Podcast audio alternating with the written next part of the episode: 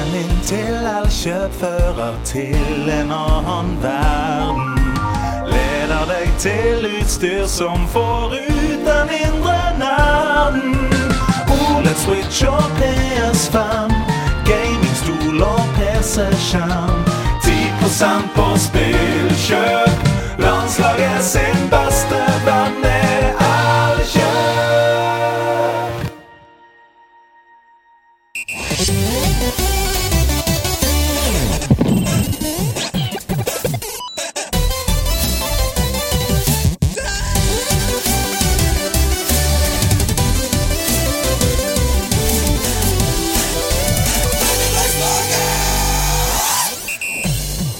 Han har briller, han har skjegg, han har hår. Han har vært eh, programleder i podkasten Level Backup i over ti år, men nå har han meldt overgang til nerdelandslaget. Her er han, Andreas Hedemann! Halla, sklei du? Hei. Sklei du? Ja, det gjorde jeg. Ja, Du sklei inn i studio? Jeg sklei inn i studio. Ja, ja, ja. Det er Stulens år som har sendt inn catchphrasen 'Halla, sklei du?' Den er ikke dum, altså. Nei, den er fin, den. Det er jovial. Ja.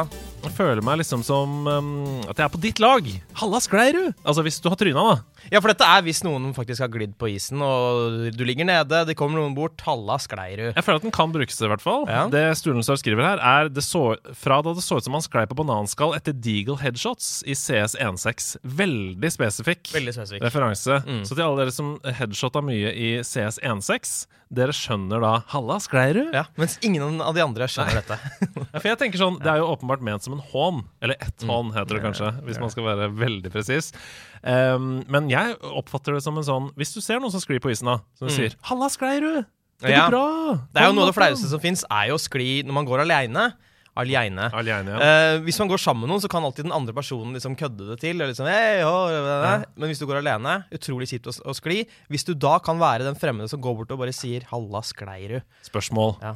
Uh, jeg har vært i en situasjon der hvor noen sa 'jeg gikk ikke bort til vedkommende som falt', Mm. fordi jeg ville ikke gjøre personen mer flau. Feil. Altså, Jeg ville ikke gi det oppmerksomhet, så jeg lata som «Hopp, hopp, hopp, jeg så ingenting. Er det feil strategi? Det er feil strategi. Man skal gå bort. Alle, alle setter pris på det, fordi det punkterer litt den kleine stemningen. Da kan man tulle med den personen.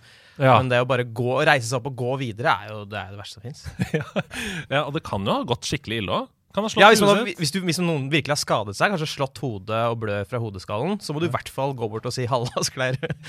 Så det, det er moralen i er moralen. 2024. Åssen går det med deg, da? Har du møtt noen som har sklidd i det siste? Nei, du, jeg har møtt noen som har sklidd uh, på stranda. I sanden. Fordi jeg sitter jo her og er brun som en banan uh, og har vært i Thailand. Du er veldig gyllen. Ja, det er jeg. Det er pga. solen. ja. Solen har eh, gylnet huden min.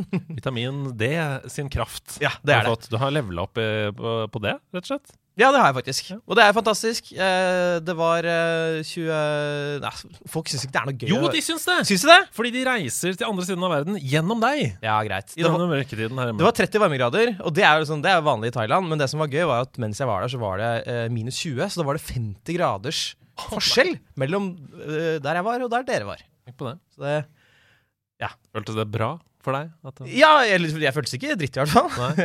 Ja. Du, eh, for dere som ikke følger Hasse på Insta Dette blir Mm. veldig sånn Nå høres det ut som vi aldri har møtt hverandre før, men dere må gå inn og følge han. Fordi eh, hele tiden mens du var der, så la du ut masse videoer Ja. av observasjoner. Mm. Så det er kjempegøy. No, takk. Jeg synes det er kjempegøy. Det er hyggelig, det. Ja. Jeg jeg trives med innholdet du produserer. Ja. Alle dere som hører på, skal følge meg nå. Ja. Hvordan går det med deg? Du, jeg har det kjempebra, jeg. Ehm, det har vært eh, mye spilling i det siste. Jeg har jo anmeldt eh, PlayStation Portal Oi! til denne episoden. Oi! Føljetongen uh, fortsetter. Vi trodde den var ødelagt. Viste seg at det var bare Steffen Lund som var ødelagt Ja, inni sin han har jo veldig dårlig internett. Han har ikke det! Det er det som er poenget! Vi kommer tilbake til det. Steffen har ikke dårlig internett. Det er uh, diverse utfordringer med denne håndholdte konsollen okay. som uh, dere skal få høre mer om etterpå. Men du, vi har jo med oss en gjest i studio. Ja. Han sitter til mitt venstre, og jeg tror det er på tide å bare ta han inn. Er du klar for det? Er du klar for det? Ukas gjest har vokst opp i Oslo, og med tanke på yrkesveien er det kanskje ikke så rart at han allerede som toåring ble kalt Skrikestad av sin egen tante. Han har vokst opp med fotballprogrammer og fanziner, apestreker og klansrop i alle fasonger, og begynte tidlig å skrive sine egne fotballblader på gutterommet, men ikke tro at dette var en vei som var 100% staka ut, for UKCS hadde i 2001 en birolle i Hotell Cæsar som Cleo ansatte Kasper, og har, vært, også vært med som skuespiller i både Jul i Svingen og Brødrene Dal og Mysteriet om Karl 12.s gamasjer. Alexander Schou sa for ganske mange år siden at han ikke fikk alderen og CV-en på UKCS til å henge sammen, og det stemmer bra, for han har vært overalt. Før Peppers Pizza åpna i Alta i 2010, så var han svært skeptisk til pizzaen han fikk servert i Nordlysbyen, og mente at Grandiosa var det som måtte til for å få i seg noe som ligner. Han elsker tilsynelatende all sport, enten det er fotball, hockey eller hopp. Han har til og med kommentert e-sport! Ta vel imot skuespiller, innspillingsleder, fotograf, journalist og sportskommentator Kasper Wikestad! Det var en veldig, veldig god intro. Det er det! Er ikke dette Norges beste intro, så vet ikke Det var fantastisk. Eh, pizza i Alta. Der var du kritisk.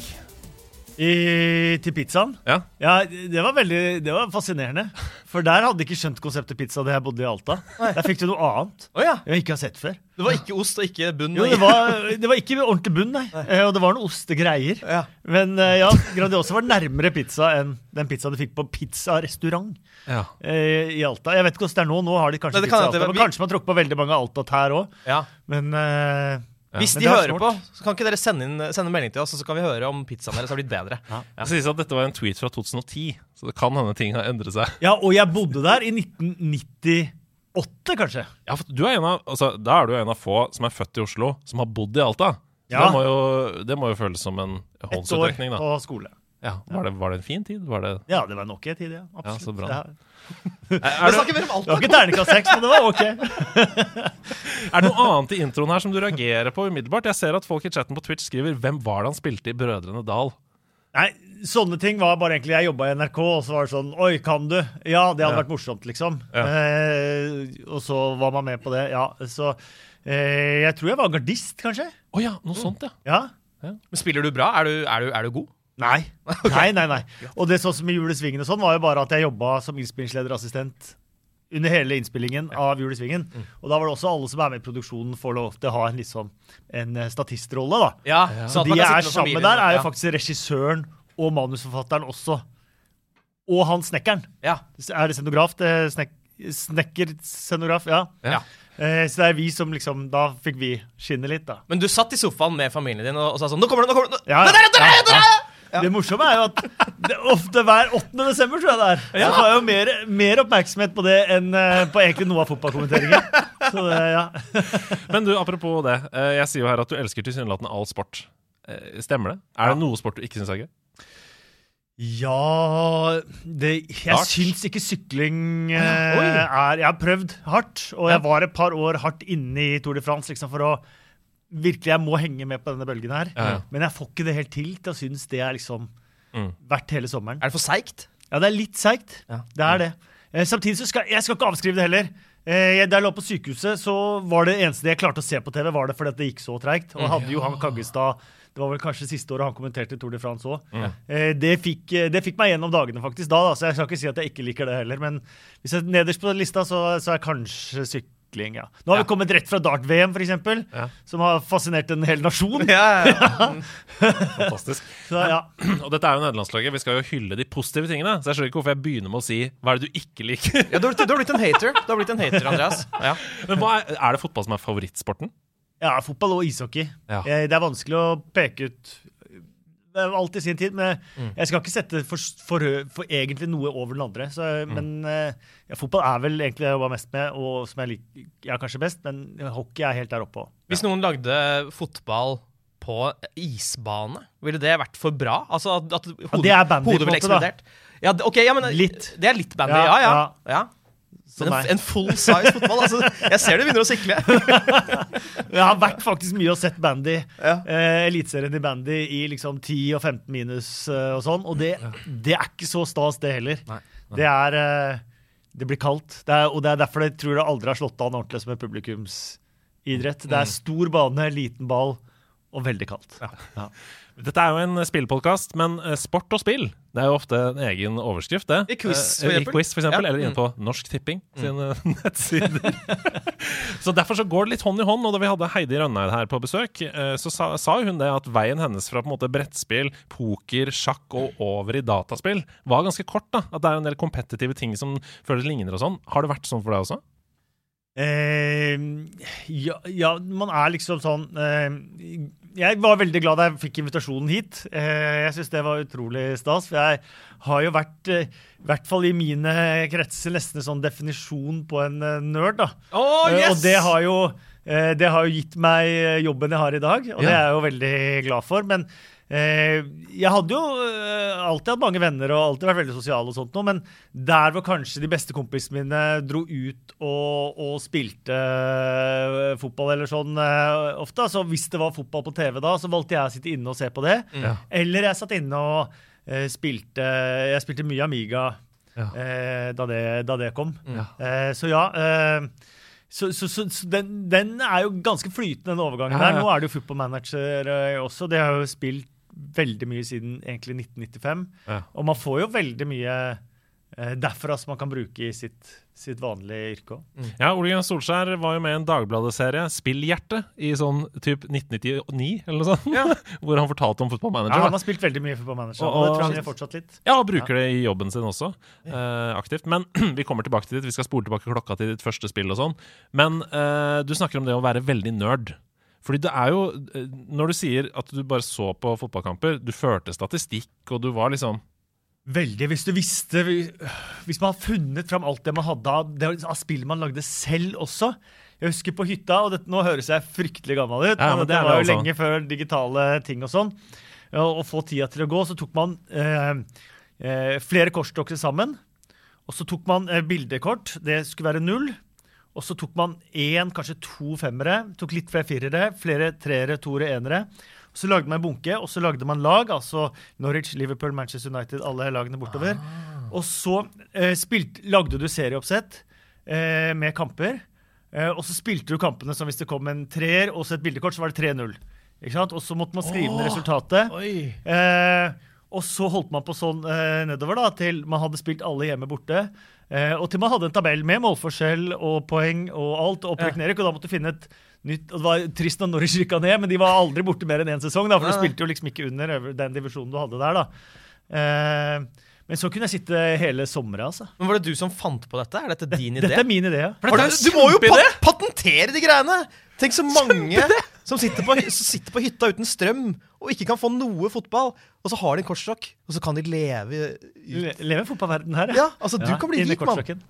Ja, men Dette mener jeg er en kjempeidé. Kjempe. Da, da jeg satt på hytta, så lagde jeg Jeg tegna eh, stigespill. Og sånn. Og sånn Én, to, tre, og så er det sånn Du sklir på et bananskall. Sklei du? Og går tilbake til start, eksempel. Men dette er jo mye morsommere, for det er jo det vi kaller for RNG. Altså Random Number Generator. Det er jo tilfeldigheter som avgjør hvem det er som vinner Ja. og, og, og kommer. Og da vil jo utfallet alltid være forskjellig! Ja, absolutt. Det er Det var ikke noe Big Four der, nei. Ikke noe superliga på hytta til det er gøy! Ok, nei, men fantastisk. Jeg, jeg, det jeg siktet til, var jo egentlig disse bladene du skrev og sånn, men dette er jo en nydelig historie, da. Altså det Ja. at du, det at du, for jeg husker du var liksom journalist, og du lata som du skrev intervjuer med fotballspillere og sånn. Jeg skrev, jeg hadde et blad som het Bål. Eh, Det hadde jeg mange år. Eh, Det tror jeg begynte med, det var det var på barneskolen. Eh, Og det var et fotballblad, rett og slett.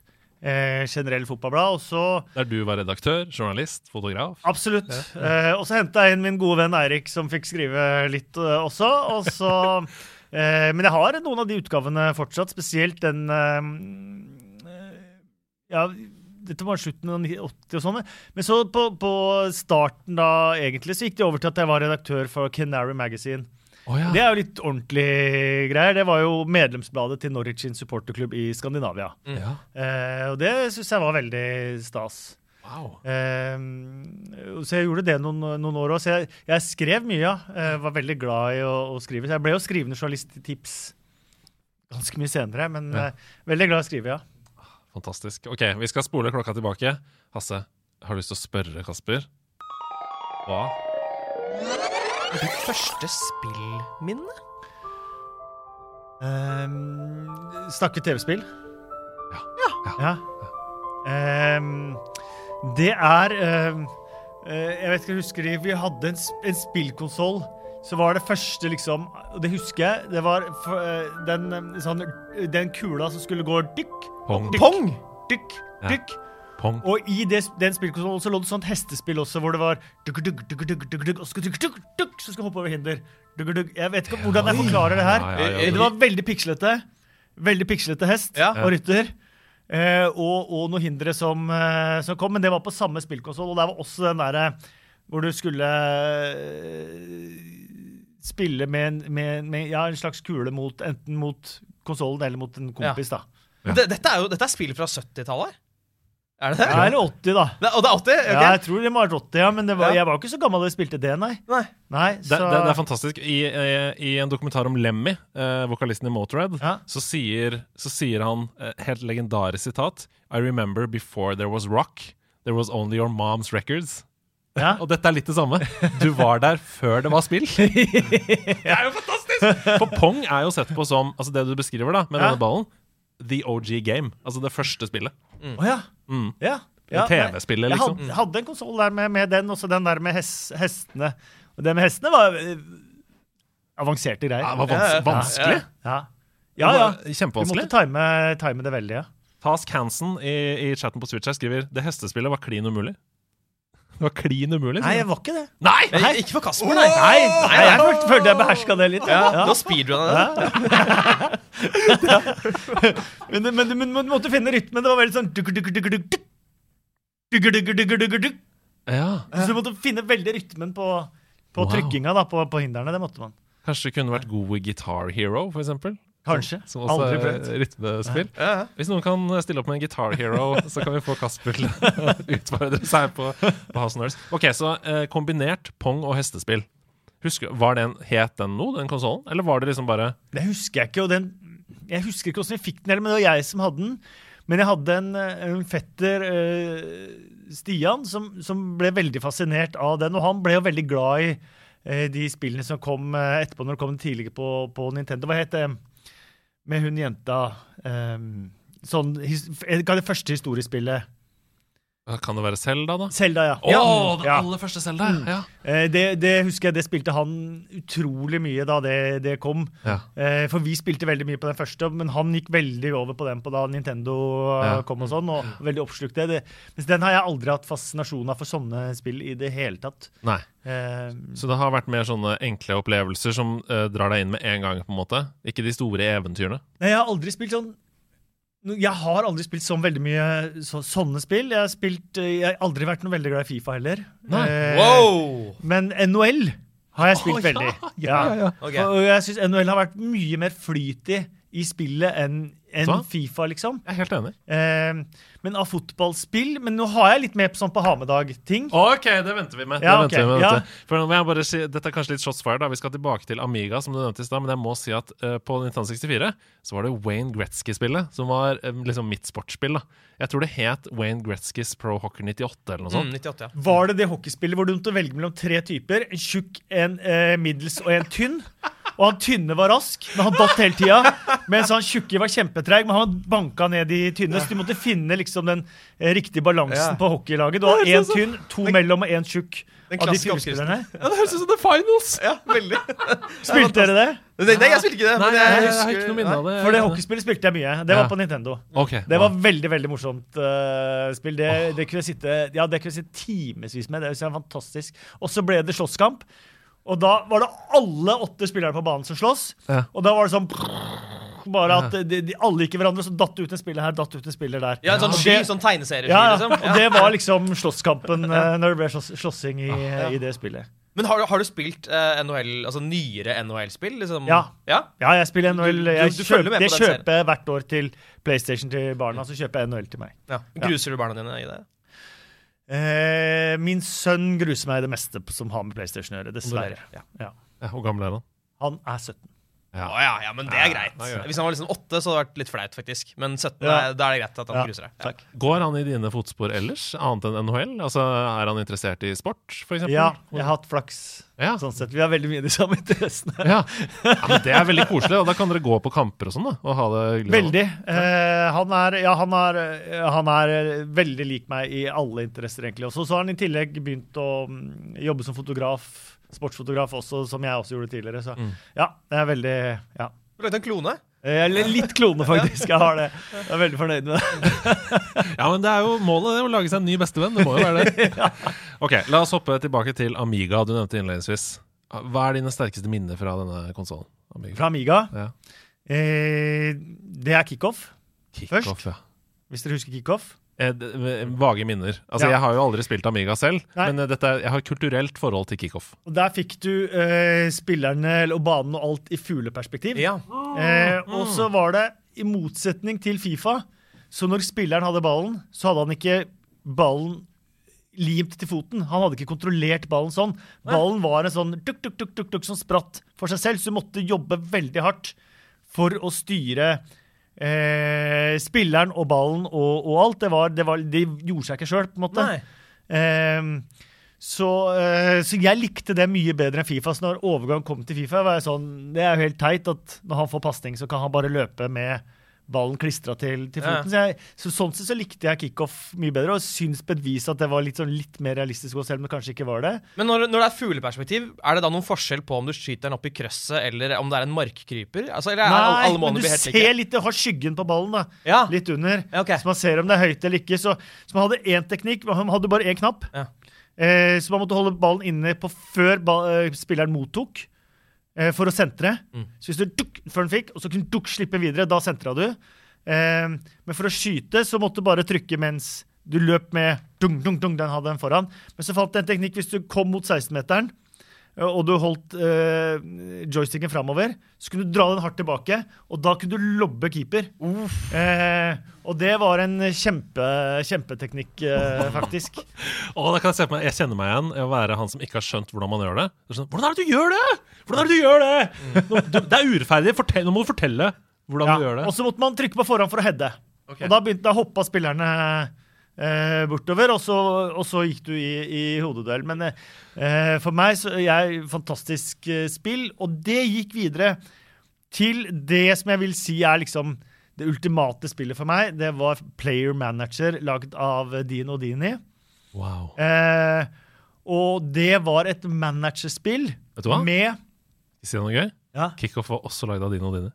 Ja, ja. Det var samme. ja. Det Fordi at i managerspillet så brukte den når du, du var manager på den ene delen, Ja. mens når du skulle spille, så spilte du da kickoff. Ja. Kampene i kickoff-delen. Oh, ja. Ja, så du, du var fan av en på en måte innholdsskaper allerede da, du? Du hadde Ja, det var, det var, det var fantastisk. Og, men du måtte være på banen selv for å kunne spille. Så for du var player manager, og han okay. Het i utgangspunktet Alex Reeves. Ok. Eh, og han var veldig, veldig god. Du starta på tredje nivå alltid. Eh, men han ble jo eldre og eldre og eldre. ikke sant? Og hvis han var skadd, så fikk du ikke spille kampene. Da fikk du bare resultatet fra kamp. Ja. Ikke sant? Da måtte du sette opp laget, og så bang, så fikk du resultatet tilbake. Men så ble jo han 40 og 50 og 60 og 70 år.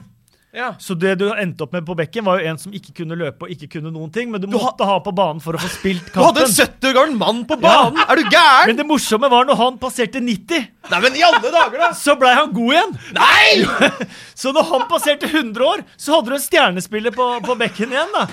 Alex Reeves. Trodde Dino Dini at det var sånn menneskekroppen fungerte? At liksom, når du går over et visst nivå, da, Da du resetter du? Ja, ja, ja. Dette er jo Dette er fantasy! ja, ja. Så det, var, det var utrolig bra. Men du kunne liksom du, For å kunne spille fullverdig versjon av spillet, så måtte du ha han på banen uansett. Det var liksom hele, hele greia. Så måtte du starte på nytt spill, men det vil man jo ofte ikke. Og snakk om å notere. Så satt jo jeg da i tillegg, og sånn er jo FM kommet med senere. Men jeg eh, ga jo alle spillerne mine spillebørs Ja. etter hver kamp. Eh, Jeg elsker det. Og Dette så- er det nerdeste. Jeg elsker det. Ja, og så hadde du da snitt på hvordan den spilleren hadde spilt i enden av, av sesongen, så man kunne kåre årets spiller og sånn. For meg, da. Så du Eh, hadde pressekonferanse med sånn pressevegg bak og sånn? Årets spillere eh, Det er ikke, ikke langt. Jeg har faktisk en kompis som på FM eh, driver, Når han signerer spillere, så tar han sånn eller, nå har, han har jo ikke det nå lenger, men han som gjorde det, eh, av og på lyset så at det var eh, blits. Når han skulle, skulle presentere spiller. Å, jeg elsker det! Men jeg har jo også sett sånne virale Instagram-reels av uh, menn og, som tar på seg blazer Mm. og står foran en liksom, uh, pressevegg da, som de har lagd hjemme, for å ha fiktiv pressekonferanse etter kamp Mm. når de har tapt mot Aston Villa, og hvor de har fått da for eksempel sin samboer til å intervjue. Føler du stillingen din er truet nå? Ja. Har du styrets tillit og sånn? Jeg har sett de. Men det er faktisk folk som også seriøst tror jeg kler på seg dress til store kamper. Ja, ja, Ja. Det har vi hatt flere gjester som har gjort her. Einar Tørnquist, eksempel. Ja. Champions League-finalen. Ja. Mm. På med blazer. Er på med det. Det jo, men dette er jo nerderi og innlevelse. Det blir jo mye sterkere. Det er kjempegøy. Åh, dette er fantastisk. Jeg må bare skyte inn her. Eh, Vi pleier ikke å ta inn chatten på Twitch så mye, men dette er helt unikt, så jeg må nevne det. Brukeren Litchfoxen skriver her. Fun fact. Jeg hjalp Dino Dini med å utvikle Kickoff Revival til PlayStation. Og møtte han for en pils på Værnes Nei! for noen år tilbake. Det er helt utrolig! Han, heter, han heter Daniel, gjør han ikke det? Det kan godt være. Ja. Det kan godt være. Det er noe, ja, ikke sant? Litchfoxen, du får, du får bekrefte om du heter Daniel eller ikke. Det er Helt utrolig. Ja, ja det er Wow. helt utrolig. Ja, det er gøy. Vi har hatt litt kontakt på med hvis det er Daniel, og merker at han aldri har nevnt dette før. Stemmer det, skriver han. Stemmer det, Kasper. Ja. Men ok, hvor gikk veien videre herfra, da? Uh, Nei, fra Player faktisk, Manager? jeg spilte så mye Player Manager at jeg tok eh, kanskje min eneste ordentlig voksne avgjørelse i mitt liv. Jeg solgte Amigaen. Oh, ja. For det tok for mye tid. ja. Eh, jeg ble for asosial av det. Vet du hva? Uh, så jeg la den ut på den der Arbeiderblads uh, torg... Nei. Youngstorgets basar Ja. het det på Arbeiderbladet. Ja. Det var før Finn. Ja. Det var jo der man solgte og kjøpte ting. Og dette var din egen avgjørelse? Det var uten press Ja, fra helt foreldre? Ja, det var faktisk helt min egen avgjørelse. Var du veldig veslevoksen? Nei, jeg var ikke så veldig veslevoksen, egentlig. Jeg har vært, egentlig vært veldig barnslig, men, men det, det, det tok mye tid, altså. Det Ja. gjorde det. Du er ikke den første, og du er ikke den siste. Da jeg studerte på Westerdals, så hadde jeg Football Manager 2013. Måtte knekke seg den. Ja, Det, var- det håper jeg Ja. å ødelegge studiene. Eh, det kan gjøre det, altså. Ja, det kan gjøre det. Nei, 2011 var det. Ja, samme. Ok, uh, men eh, Så det gikk videre til Championship Manager, Football Manager, disse Ja. spillene? Uh, ja, CM fikk jeg Det var jo militæret, faktisk. Jeg Ja. ante ikke at dette var et spill som eksisterte, før det satt en fyr på liksom, bibliotek Velferden der og spilte det på PC-en der. Mm. Uh, og det var det mest fantastiske jeg har sett noen gang, tror jeg. Fortell hvordan man, man spiller det. Eh, Championship Manager var jo da første delen av det som er Football Manager i dag. Det er et managerspill, rett og slett. Kjøper og selger spillere, setter opp taktikk. Uh, alt mulig at Nå har du mye Nå er det veldig mye mer enn det, da. Mm. Uh, og så spiller du ikke kampene. Du ser på kampene på et digitalt vis. Ja. CM, eller Championship Manager da var egentlig bare målene og kanskje en og annen sjanse. og Det var sånn Number nine, through on goal. Misses. Eller så var det liksom Men det er vakuum der, da, når du sitter og venter. Eh, Ja, ja, Åh. virkelig. Eller så var det score, og så var det liksom blinketest. Eh, ja. Uh, så da uh, satt jeg egentlig veldig mye inne på der i militæret og Mm. spilte CM, og det er egentlig det som har fulgt meg, det spillet, egentlig resten av livet. Jeg spiller fortsatt mye det som nå er FM, da. Men Mm. i perioder, og man kan må, i perioder man jobber mye eller har andre ting, så må man bare legge det helt vekk. Du klarer det? Ja. Ja. Men i perioder hvor man da har muligheten, så kan man spille det mye. Ja, fordi eh, det finnes jo Jeg føler det finnes eh, Ja, det finnes selvfølgelig veldig mange varianter av CMA FM-spillere, men er du en sånn som bruker uforholdsmessig mye eh, lengre tid mellom kampene Nei. enn du gjør på kampene? Nei. Nei. Jeg er nok en sånn som spiller ganske fort. Ja, Men jeg har aldri vært spesielt god nei, i FM. Det er jo, Jeg hører prestasjoner andre får til om eh, småklubber som vinner Champions League og Premier League og det ene med det andre. Eh, men jeg får ikke det alltid så bra til. Mm. Og så er det liksom, de gangene man får det til, så har man lyst til å man skal fortelle om FM-spillet sitt, det er litt som å høre på Eller andre forteller om det, så er det litt som å høre på folk fortelle om drømmene sine. Ja. Det er egentlig ganske kjedelig å høre på, men det er veldig morsomt å fortelle. Ja. Eh, og man har et behov for å fortelle det. Mm. Jeg har et Yovil-spill nå. Ja. Eh, jeg tenkte jeg skulle prøve et lag som er på det laveste nivået man kan starte, og det er jo da sjette nivå i England. Mm. Nation, Vananarama National League South. ja. Eh, Det og da var tok jeg der Wrexham var. Nei, Nei, de var på Vananarama National League. ikke sant? Ja, nivå over. Et nivå over, ja. Uh, så jeg tok Jovil der, og Jovil med jeg, de, var jo, de var jo ligasystemet for ganske kort tid siden, og de har et bra stadion og alt. så det var liksom... Ja. Men der altså surfa jeg gjennom først Det National League South. Ja. Og så tok jeg i National League, altså Conference. Jeg tror jeg tapte én kamp, fire uavgjort, og vant resten. Og det vant resten av 40-41 kamper. sånn. Jeg hadde over 120 poeng. Jeg satte Wow. alle rekorder. Er Helt sykt. Ja, jeg syns det var wow. Ja, men det er aldri borti lignende. Og nå er jeg league 2 og topper league 2 òg. Du Så jeg skjønner ikke hva jeg, hvilken kode jeg har knekt. Er du under etterforskning av Financial Fair Play? Du er ikke, det er ikke gjort noe Nei, ingenting. Nei. Ikke noen juksekoder. Nei. nei, og på starten her og så, fikk, så hadde de hadde en del penger på bok, men jeg fikk ikke lov å kjøpe spillere. Og det var litt sånn, ringen sluttet òg. Ja. For jeg, den eneste jeg fikk hente da på free, var Nathan Delfoneso. Oi. Og han var et sånn kjempehent for kanskje 15-16 år siden. Sånn 17-åring i Aston Villa. Så han og Barry Bannon var sånn kjempetalenter å hente fra Aston Villa da. Nå 34 år gammel, på free transfer. Men uh, leverte så det suste etter. ham. det var eneste spiller jeg fikk hente da, før jeg fikk hente litt mer i januar. Uh, så jeg er veldig fornøyd med min prestasjon der. Det er Men, the, eh, ja. last, the last dance. Ja. For, Ja, han leverte to sesonger for meg veldig veldig bra, før jeg måtte si farvel. Men du, dette er en glidende overgang. Jeg vet ikke om du, Har du noe forhold til CM og FM og sånn? Har du spilt noe særlig? Det er det eneste fotballspillet jeg ikke har spilt. Mm. Uh, altså det er, og det er fordi jeg er redd for å bli uh, alvorlig avhengig. Ja. Jeg tror jeg hadde blitt det ganske fort. Ja, for du, du har jo alle Alt ligger til rette for at du skal bli det. ja, for ja, ja. Jeg, har, jeg blir lett avhengig av ting. Ja, og så elsker du jo fantasy, Ja. football, du elsker å spille Fifa. Du, du og Tete hadde en legendarisk duell her på Veldedighetsstream. Ja, Åssen syns du det gikk? Nei, altså Hvordan det gikk? Jeg, jeg vant eh, Nei, han vant 10-9. Ja. Tror jeg. Det var sånn at eh, Vi satt der sammen med komplett.no, og så var det sånn at for hvert mål vi skårte, så skulle de donere 1000 kroner til Mental Helse og Ungdom. Så det var, det var Så vi- åtte, jeg åtte i for Jeg satte Messi i mål. og, bare, og vi bare druste på. Ja. Og det ble masse penger. Ja. Det, ble, det ble masse penger til Mental Helse og Ungdom. Det var veldig bra. Men, er, men har det ikke vært sånn i, i Fifa-utgavene gjennom tidene liksom at uh, hvis man finner teknikken på å score, om det er skyte fra der eller der, eller et eller annet sånt, så, så sitter den hver gang? I hvert fall innad i, i hvert spill. da ja. Det vil ofte forandre seg Fra, eh, fra spill til- spill ja, ja, nettopp. For sånn var det på NHL, i hvert fall de Ja, første årene. Sånn, hvis du skar inn derfra og så skøyt der, så skåra du hver gang, liksom. ja, mer eller mindre. Ja. Mm. Ja, nei, Det har forandra seg også fordi, som du sier, noen Fifa-spill er veldig opphengt i forsvar, f.eks. Noen er opphengt i å bruke bredden i banen. Men det er som du sier, når man finner på en måte den greia, så har man en klar fordel. Det første CM-en den som jeg spilte i militæret, der var det hvis du ikke hadde ikke brukte flanker, satte alle i sentralt, Ja. så tapte du ikke kamper. Jeg må bare si, Du er en helt latterlig populær gjest. For vi, vi, Noen ganger så legger vi ut bilde av gjesten og sier sånn Har du noen spørsmål? Det har, det har kommet inn over 50 spørsmål. Så. Wow. Og det er jo helt fantastisk. Ja. Men det betyr også at vi må sparkle noen av dem inn i dette på en måte intervjuet. da Ja. Så det er mange som har spurt hva er din favorittspiller på CM eller FM gjennom tidene.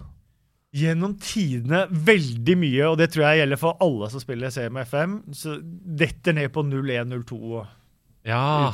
Der, ja. Ja. Ja, ja, ja, ja. Eh, og der er eh, der, Min personlige favoritt der eh, var Tonton Sola Mokoko. Oi, det er et navn jeg har hørt før! Ja. Når folk Ja. nevner FM og favorittspillere. Ja, ikke sant? Ja. Det, er, eh, det er mange å hente der. Da. Du har jo alt fra Aga Hova til To Madeira til Mark Kerr til Taribo West. ikke sant? Du har Taribo West! et utrolig spekter av, av legender fra, fra akkurat den utgaven der. Hvis man skal velge én, så velger jeg Tonton Sola Mokoko, en eh, 17-åring eh, i juniorstallen til Derby, som bare var en world beater uansett. Ja. I tierrollen. Ja, og verdens beste navn, må jeg bare si. Ja. Det ruller av tungen. Ja, gjør det. Ja, jeg fikk jo aldri noen stor karriere. Det er jo det triste. Men tror du han da er liksom veldig stolt av at han var så god i CM? Ja, det har vært intervjuer med har det, og, ja, og, og, og, og for mange så legger jo det litt så ekstra press på karriere òg. At man er 17 år og så ser at om, om eh, åtte år så skal jeg være verdens beste fotballspiller. det er jo sykt, da! så Ja, er, men eh, ja, Mokoko, hva, hva var det med han, da? Hva var det som gjorde han så god?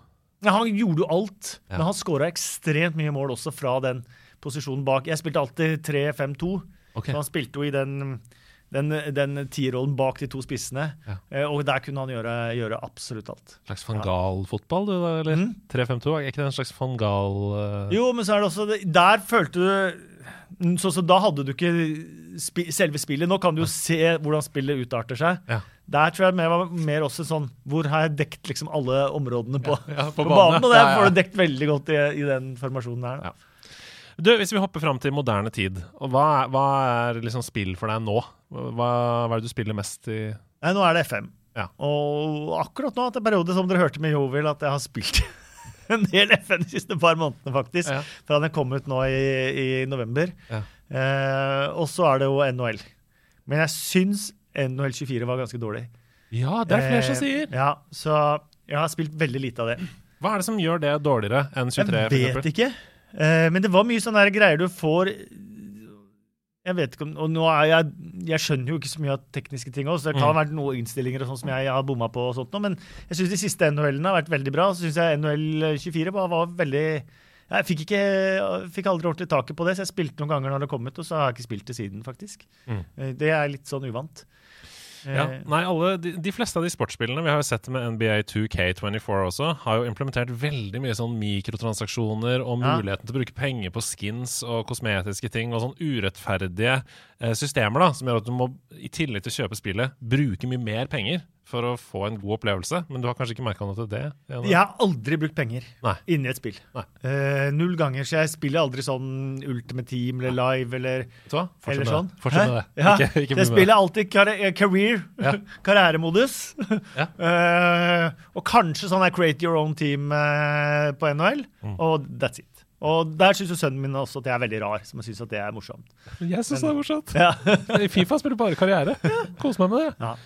Men eh, Vi skal videre, men jeg må bare spørre også Lager du da, For du er jo veldig kreativ, det har vi etablert, med kortstokk med spill og sånne ting. Sitter du og lager egne historier når du spiller karrieremodus? Følger du med, Tenker du liksom sånn da Shit, nå er det problem her med den og den, og relasjonen mellom manager og spiller her er ikke bra. ja, på FM kan man gjøre det. Da Ja. skaper man historie i sitt eget hode. På PlayStation føler jeg at det er mer bare å spille. Ja.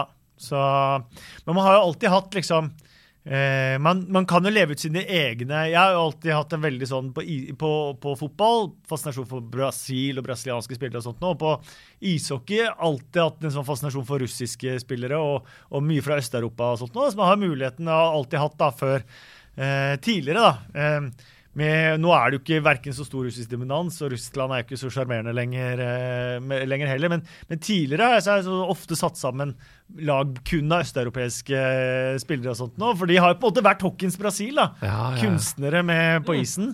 Eh, og, og kosa meg veldig med det, da. Mm. På, på å sette sammen sånn Man kan sette sammen litt sånn sitt eget drømmelag, da. Ja. Hvem er den østeuropeiske hockeyens uh, Garincha, vil du si? Da er du sterk. Nei, det er jo uh, på mange måter uh, Hvis du skal ta driblefanten sånn sett, da, så du hadde jo Makarov, Larion og Krutov som var den rekka der, da, med Fetisov og, og Kasatonov som, som, som bekkene. det- De er jo ekstremt uh, kjente, da. ja. uh, Uh, og så hadde du jo fra uh, generasjonen etter som var mer meg, da, som var uh, med, med Fedorov og Pa- Pavel Bure og, og, og de der. Men så, som var den ordentlig driblefanten av de, så var det kanskje Det er litt vanskelig å si, for, for de, de hadde, har så blikk. De var mer alle sånn pasningsspillere og spilte for hverandre og åpna rom. og Det var en sånn der, eh, kollektiv dans mer enn individualister, da, som gjorde at de ble så eh, fascinerende å se på. Jeg elska, å se på de. Jeg må bare si en ting. I, I 2024 så er det jo en sånn trend som er liksom ASMR og sånn, som får deg til å liksom, ja, slappe av og gode følelser. Og Morten Ramm har jo lagd en podkast som heter 'Morten Ramm la skravla gå til du sovner'. Bare går og går. Jeg bruker den masse hvis jeg er søvnløs. jeg kan høre på i timevis du snakke om russiske backrekker. I liksom Ja. hockey opp igjennom. Ja. For når du begynte nå, så ble det bare Jeg ble helt dratt inn og høre navnene og hvordan de Kan Ja, ikke det er du bare mye. lage den podkasten, da? Monolog? Ja, det er mye, og det ligger noen dokumentarer som kan, som kan anbefales om, om den de, de, russiske ishockeyen nå, altså, eller sovjetiske, da, Ja. eh, opp igjennom. Den røde vind med Vikestad. Ja. Kan det hete. Wow! Kaching. Nei, det er fantastisk. Du, eh, vi skal hoppe fram til moderne tid. For jeg, jeg bare kom på at du, eh, måten vi plukka opp, da, at du kanskje hadde en liten sånn spiller i magen, det var at du begynte å like postene til House of Nerds Ja. Instagram. Jeg syns det dere holder på med her, er fantastisk, da. Ja, for, hva, si for, hva, hva, hvordan fant du fram til det, og hva er det du liker så godt med det? Fortell om det. Nei, jeg, jeg liker nerding ekstremt godt. Ja. Eh, det gjør jeg jo også. Og det å skape sånne miljøer som dere har gjort eh, her, eh, og det at folk Jeg er også veldig sånn Alt av minner og gamle dager og sånn gir jo de gode følelsene, da. Og det er derfor jeg ikke klarer å kaste noen ting til frustrasjon for for noen, men jeg sparer på absolutt alt. Eh, og har utrolig mye gamle ting eh, hjemme som ikke har noen verdi annet enn at det gir meg en god følelse hvis jeg ser det eller titter på det. eller Mm. eller sånn. Og sånn er det med mye av det, det her også. De, eh, ma ma mange ganger så skal man liksom ikke hente fram det du hadde fra gammelt, eller hente fram dine gamle helter, eller noe, for man hører at det kanskje ikke var sånn som du tenkte at det var. da, Fordi man setter mye av det på pidestall. Men, men med, med dette her så ser man jo at dette her var faktisk dritkult. Ja. Eh, akkurat sånn som man huska det. da. Det er jo det er veldig, veldig morsomt. Vi har funnet fram litt på Amigaen for eksempel, og sånt, og spilt noen Summer Games og, og vært innom eh, Play, Play Manager og sånt og Syns jo det er like bra som jeg huska det, og det er jo helt fantastisk. da. Og det er jo mye av det dere har klart å skape, skape her, syns jeg. da. Eh, så det, ja, jeg syns det er utrolig kult. Det er veldig veldig koselig. Du eh, nevnte også før vi gikk inn her at du sliter litt med å koble opp Amigaen din. Har du, er det noe, trenger du hjelp? Kan du komme med en bønn til de som hører på, for Ja, jeg vet ikke om det mangler noe, eller om noe av det som er på Amigaen er ødelagt, men det kom ikke noe bilde. Nei. Og jeg trodde jeg hadde alle delene, og jeg satt antenna i bak i TV-en og Ja. alt. I Eh. antennetilkoblinga, Ja, ikke sant? Så jeg trodde jeg hadde alt, men det kan godt hende det er noe jeg mangler. Men jeg kan prøve å legge ut det på Instagrammen min, Ja. alle delene. Ja. Så kan noen se om det er noe som mangler der. På Story, for eksempel. For Ja. det er et veldig sånn uh, glødende engasjert retro-community som hører på nederlandslaget. Som lager bl.a. retrospillmesse hvert år i, eh, i Sandefjord. Så de kan nok eh, hjelpe For deg. det jeg mangler også, er jo en god Og det tenkte jeg, det finner jeg på Finn. da, eh, Både en god joystick og en god mus til Amiga. Mm. Det tror jeg fortsatt ligger, eh, ligger ute Finn. Men jeg har tenkt liksom på om jeg skulle kjøpe en ny Amiga for å se om det kanskje funker, funker bedre. Men, men den har virket før, Ja. den Amigaen. Ja. Vi hadde liksom no, et par ganger med, med kompiser at vi dro oss på kvelden.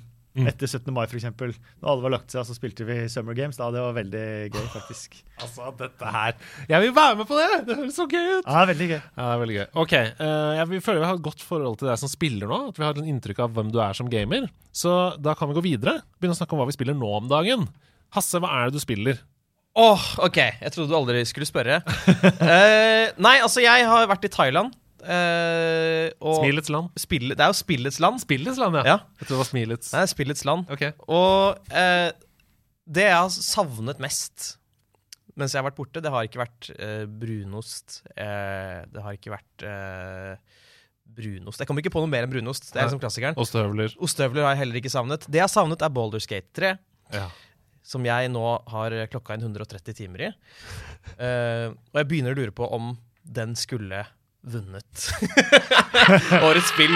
Vi kåret, vi, vi kåret nemlig et annet spill til årets spill um, i året som gikk. Ja. Uh, det var før jeg hadde klokka inn 130 timer i Boulderskatere. Det, oh, yes. det er det eneste jeg har lyst til å gjøre. Jeg, hvis jeg kunne liksom bare gjort det Hvis jeg kunne ta en eller annen pille som gjør at jeg kunne være våken i 48 eller kanskje til og med 68 timer, Mm. så ville jeg ha spilt det kontinuerlig da. Jeg må bare si, Det var så gøy, for jeg visste jo at Hasse var i Thailand. Men måten jeg visste at han var kommet hjem på, var at det kom 'Bliggering! Din venn Hasse Hope er nå online'. PlayStation. Da sendte jeg melding! Ja, det Jeg skrev 'Velkommen hjem! Håper reisen gikk bra'. Det var det første idet jeg gikk inn. Det var sånn, Jeg hadde ikke tatt av skoene engang. Jeg måtte bare rett på. Så det har vært nydelig. Men fortell, for du hadde jo egentlig aldri hatt noe forhold til sånne rollespill og Dungeons and Dragons og sånn, så du var jo litt sånn usikker på Du skrev liksom 'Når er det man blir hekta på dette?' og bla, bla, bla. Ja, Hva skjedde? Hva, hvorfor er det det eneste du tenker på og drømmer om å holde på med? Det er bare et veldig veldig rikt univers. Det er jo litt sånn Ringenes herre-aktig, bare med glimt i øyet. Og liksom Ja, manuset er veldig bra, det er veldig morsomt. Eh, Jeg er blitt veldig glad i de karakterene jeg spiller som. Jeg føler jeg Jeg, altså, jeg har ligget med uh, flere, eh, og klart å liksom opp... Som man jo også gjør i livet. Som også gjør i livet, da. Ja, Eh, speiling av livet selv. Ja, man kan, man kan ligge med nesten alle man møter. Hvis de vil ha deg. hvis de vil ha deg. Dette er en relasjons... øh, ut- ja. Helt samtykkebasert ligging. Og nei, altså Det er bare Det er så stort, og det er så fint. Og man kan være naken. Hva er de tingene du trekker fram her? Det. Altså, tingen er at Man kan ha på seg rustning, og da, da er det jo vanskelig å drepe deg. Men det er mye, mye gøyere å være naken, så jeg så er jeg naken. Så jeg vil bare si det. Nei, jeg syns det er bare helt fantastisk. Det er veldig gøy. Jeg sa det i anmeldelsen min av Boulders G3. Så sa jeg det at eh, det føles som spillenes spill. Altså Det kan bli akkurat hva du vil, eh, og det føles hele tiden overraskende. Eh, Du vet ikke hva det kommer til å kaste på deg, og, og du former det akkurat som du vil. Det går ikke an å spille det feil. Nei. Hvis du gjør noe som du angrer på, f.eks. Ja ja, da er det det. Det blir veien videre. Sånn er det i livet også. Kan ikke spole tilbake i tiden. Man kan ikke det. For eksempel i Sotsji der, med det intervjuet. Med Stian Blipp. Ja, fortell nei. det, fortell det, det. det. måtte vi stå i. Ja. Eh, ja, nei, det var egentlig jeg som satt på kommentatorplass, og det var dødtid. Ja. Så jeg sier uh, på sånn Vi har sånn knapp som ikke går ut på lufta. Ja. Så sier jeg til Stian Hun som står ved, ved Bare intervju henne, så får vi liksom litt tid til å gå. Ja. Og så sier jeg på lufta Ja, hun heter uh, Var det Samantha Meiler? Eh, Et eller annet, jeg husker ikke. hva. Eh, så intervjuer henne. Så Stian ante jo ikke hvem henne var, men han måtte jo nesten gjøre det når jeg hadde liksom Så jeg har først gitt han feil navn. Det er så fælt. Og så prøver jeg å få han til å redde inn eh, ved å si at ja, ja, men da kan vi snakke om hvor bra hun kjørte. At hun eh, gikk videre eh, til eh, semifinalen. Og da prøver han det videre. Og da er det sånn uh, Jeg er akkurat slått ut. Ah. Det er det verste. Ja, og det var eh, første gang på TV, og siste gang på TV, egentlig. Jeg har blitt kalt eh, Han satte vel tilbake til meg med Kasper, din balle. Ja, fordi det var jo ikke hans feil! Nei, det var ikke hans feil. Nei. Han ble kasta helt under bussen av meg, og vi vant en pris for dette, dette her sammen. Bra. Vi vant TV2s gullegg for det dårligste som var levert av TV2 det året. Ok, det er fantastisk. Men Baldur's Gate 3, eh, rollespill du, Ja. hvor, er, hvor er du der nå? Jeg er i to? Boulders Gate! ja, Du er det, ja! Jeg er i Boulders I Gate! act nummer tre. Spillet er oppkalt etter dette, denne byen. Da nærmer det seg en konklusjon. nei, jeg vil ikke det. Jeg, jeg gjør alt. Jeg gjør alle side missions. Jeg går rundt naken og, og løser bitte små oppdrag. For jeg vil ikke bli ferdig med det. Ja. Men er du sånn spiller da som aldri kommer til å spille igjen? Eller har du lyst til å finne andre veier, for det er jo tusen veier å gå Nei. i det spillet? Jeg er ikke en sånn spiller. Nei. Når jeg er ferdig med det spillet, så er jeg ferdig med det. Å for nei, så trist. Ja, det er veldig trist. Derfor skal jeg ikke bli ferdig med det med det første. Da får du bare vente 15 år på Boulderskate Gate 4. Ja, Ellers så bare spiller jeg Boulderskate 1 på NES. Håper det er gøy. Det jeg ikke skal. Så det jeg har spilt. Eh, Et annet spill jeg spilte før jeg begynte å spille det, mm -hmm. men, eh, men jeg har ikke sagt om det på lufta, det er et spill som heter Last Train Home.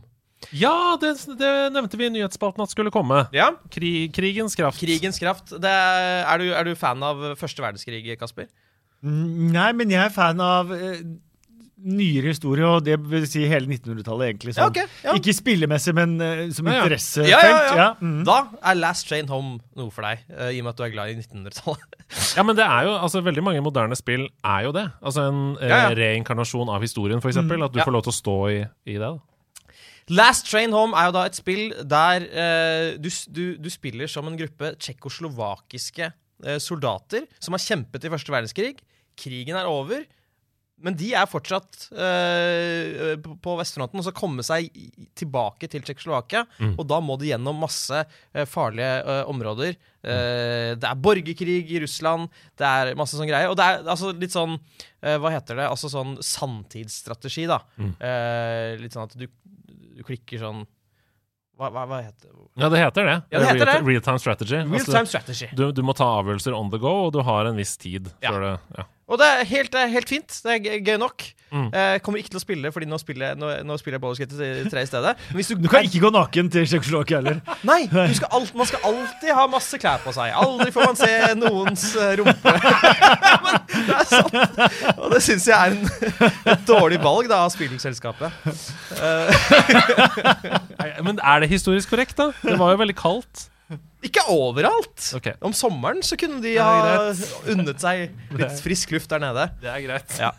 Så hvis du er glad i samtidsstrategi og syns at eh, første verdenskrig er uh, tipp topp tommel opp, Mm. da er dette noe for deg. Ja, for du har fått en del skryt. Absolutt. Det er 89 eller 88 på metakritikk. Ja, fantastisk. Absolutt gøy.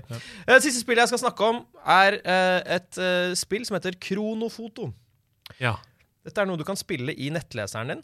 Og okay. det er rett og slett så enkelt som at du du får opp et bilde, eh, og så har du en tidslinje mellom 1900 og 2020. Og så skal du gjette hvilket år dette bildet er tatt. Kjempegøy! Og så får du Ja. poeng ut ifra det. Det er jo som en slags geogesser med historie. Det er geogesser med historie. Så for eksempel, Wow. hvis jeg nå nå, nå nå kan jeg ta opp et uh, bilde her, så kan dere se. Ja, ta så Vis det til Kasper. hvis det skjer. Her, her, her ser du Ja. da eh, et eh, bilde av det er Her har du tydeligvis- tippa allerede. Nei da, nei da, 1960 er eh, midtpunktet. Så du må gjette, da. Her, her kan vi se en rekke biler på et bilshow.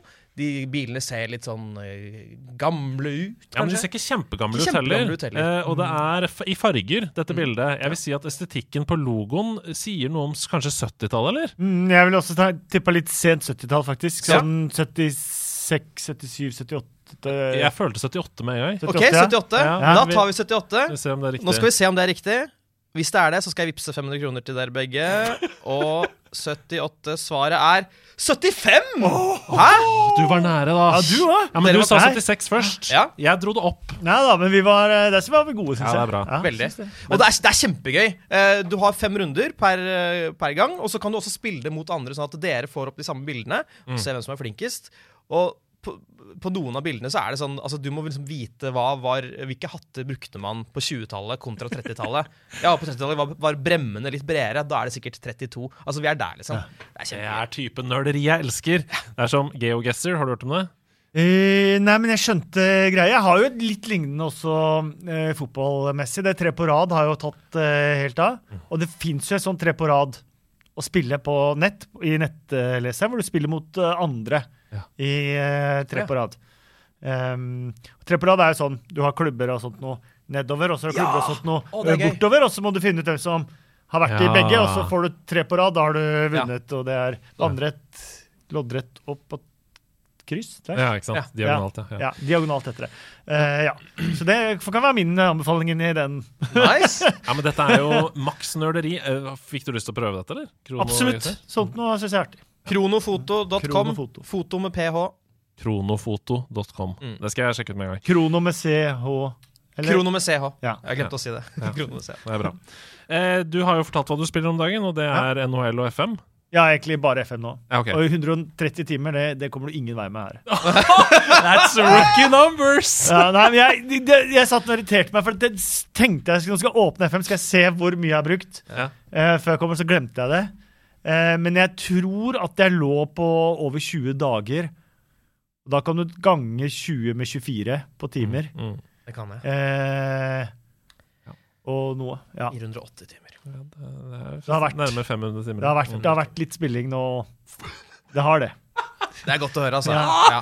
Det er deilig. Jeg har vært litt sjukmeldt, sånn nå, vet du, så jeg har fått ekstra tid Ja. på dagtid til å bare sitte i sofaen Det er og fantastisk. Vi kommer tilbake til det. spille. Ja. Det er mange som har stilt spørsmål om det, selvfølgelig. Uh, så vi kommer dit. Men da skal jeg bare snakke litt om hva jeg spiller om dagen. Monsieur? Det har jo vært eh, 2023 var et eksepsjonelt spillår. Altså virkelig, Det kommer til å stå igjen i historien som et av de største. Det har kommet spill på spill på spill som er eh, terningkast seks. Eh, og det har jo eh, gjort at vår redaksjon har hatt uforholdsmessig mye jobb i gåseøynene. Det siste er gåseøyne, ass. Ja. Eh, Jeg tror jeg regner meg fram til at jeg har spilt 56 spill som kom ut i 2023, i 2023. Shit, Er du gæren, eller? Går det bra med deg?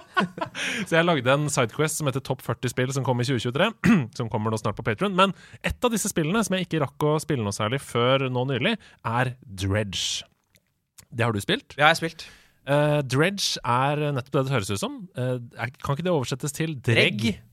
Gode gamle dreggen. Ja, Men ikke på den måten som noen nå tenker. Nei, Nei. ikke drag. Nei, jeg tenkte på dreggen. Altså, noen kaller jo altså. Nei! Ja, men jeg, jeg, bare, jeg bare sier det som det er. Har du noen gang hørt noen omtale sitt underliv som dreggen? Nei. Ja, det Det er, har jeg ikke gjort. Er ikke det en greie? Nei, faen, altså. Ok, greit. Stryk det. da.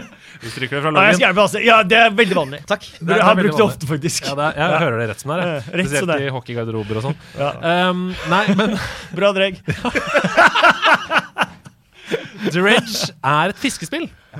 Du eh, kommer som en liten fiskebåt inn til noe som kan ligne på en Lofot-fiskeby, f.eks. Eh, nå er jo dette ikke i Lofoten, det er i et fiktivt land. Og så skjønner du at det er noe uggent under overflaten her. Alle sier sånn 'Å, velkommen'. Eh, den forrige fiskeren gikk det ikke så bra med. Men kult å se at du er her. Lykke til! liksom.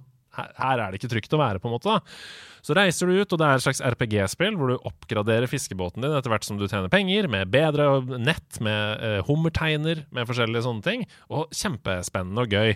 Problemet er at når det blir natt, så blir det veldig ubehagelig. Da må du komme deg til en havn ganske fort for å på en måte sove over til sola står opp igjen. For hvis du blir på havet når det er natt, da begynner ting å skje, da.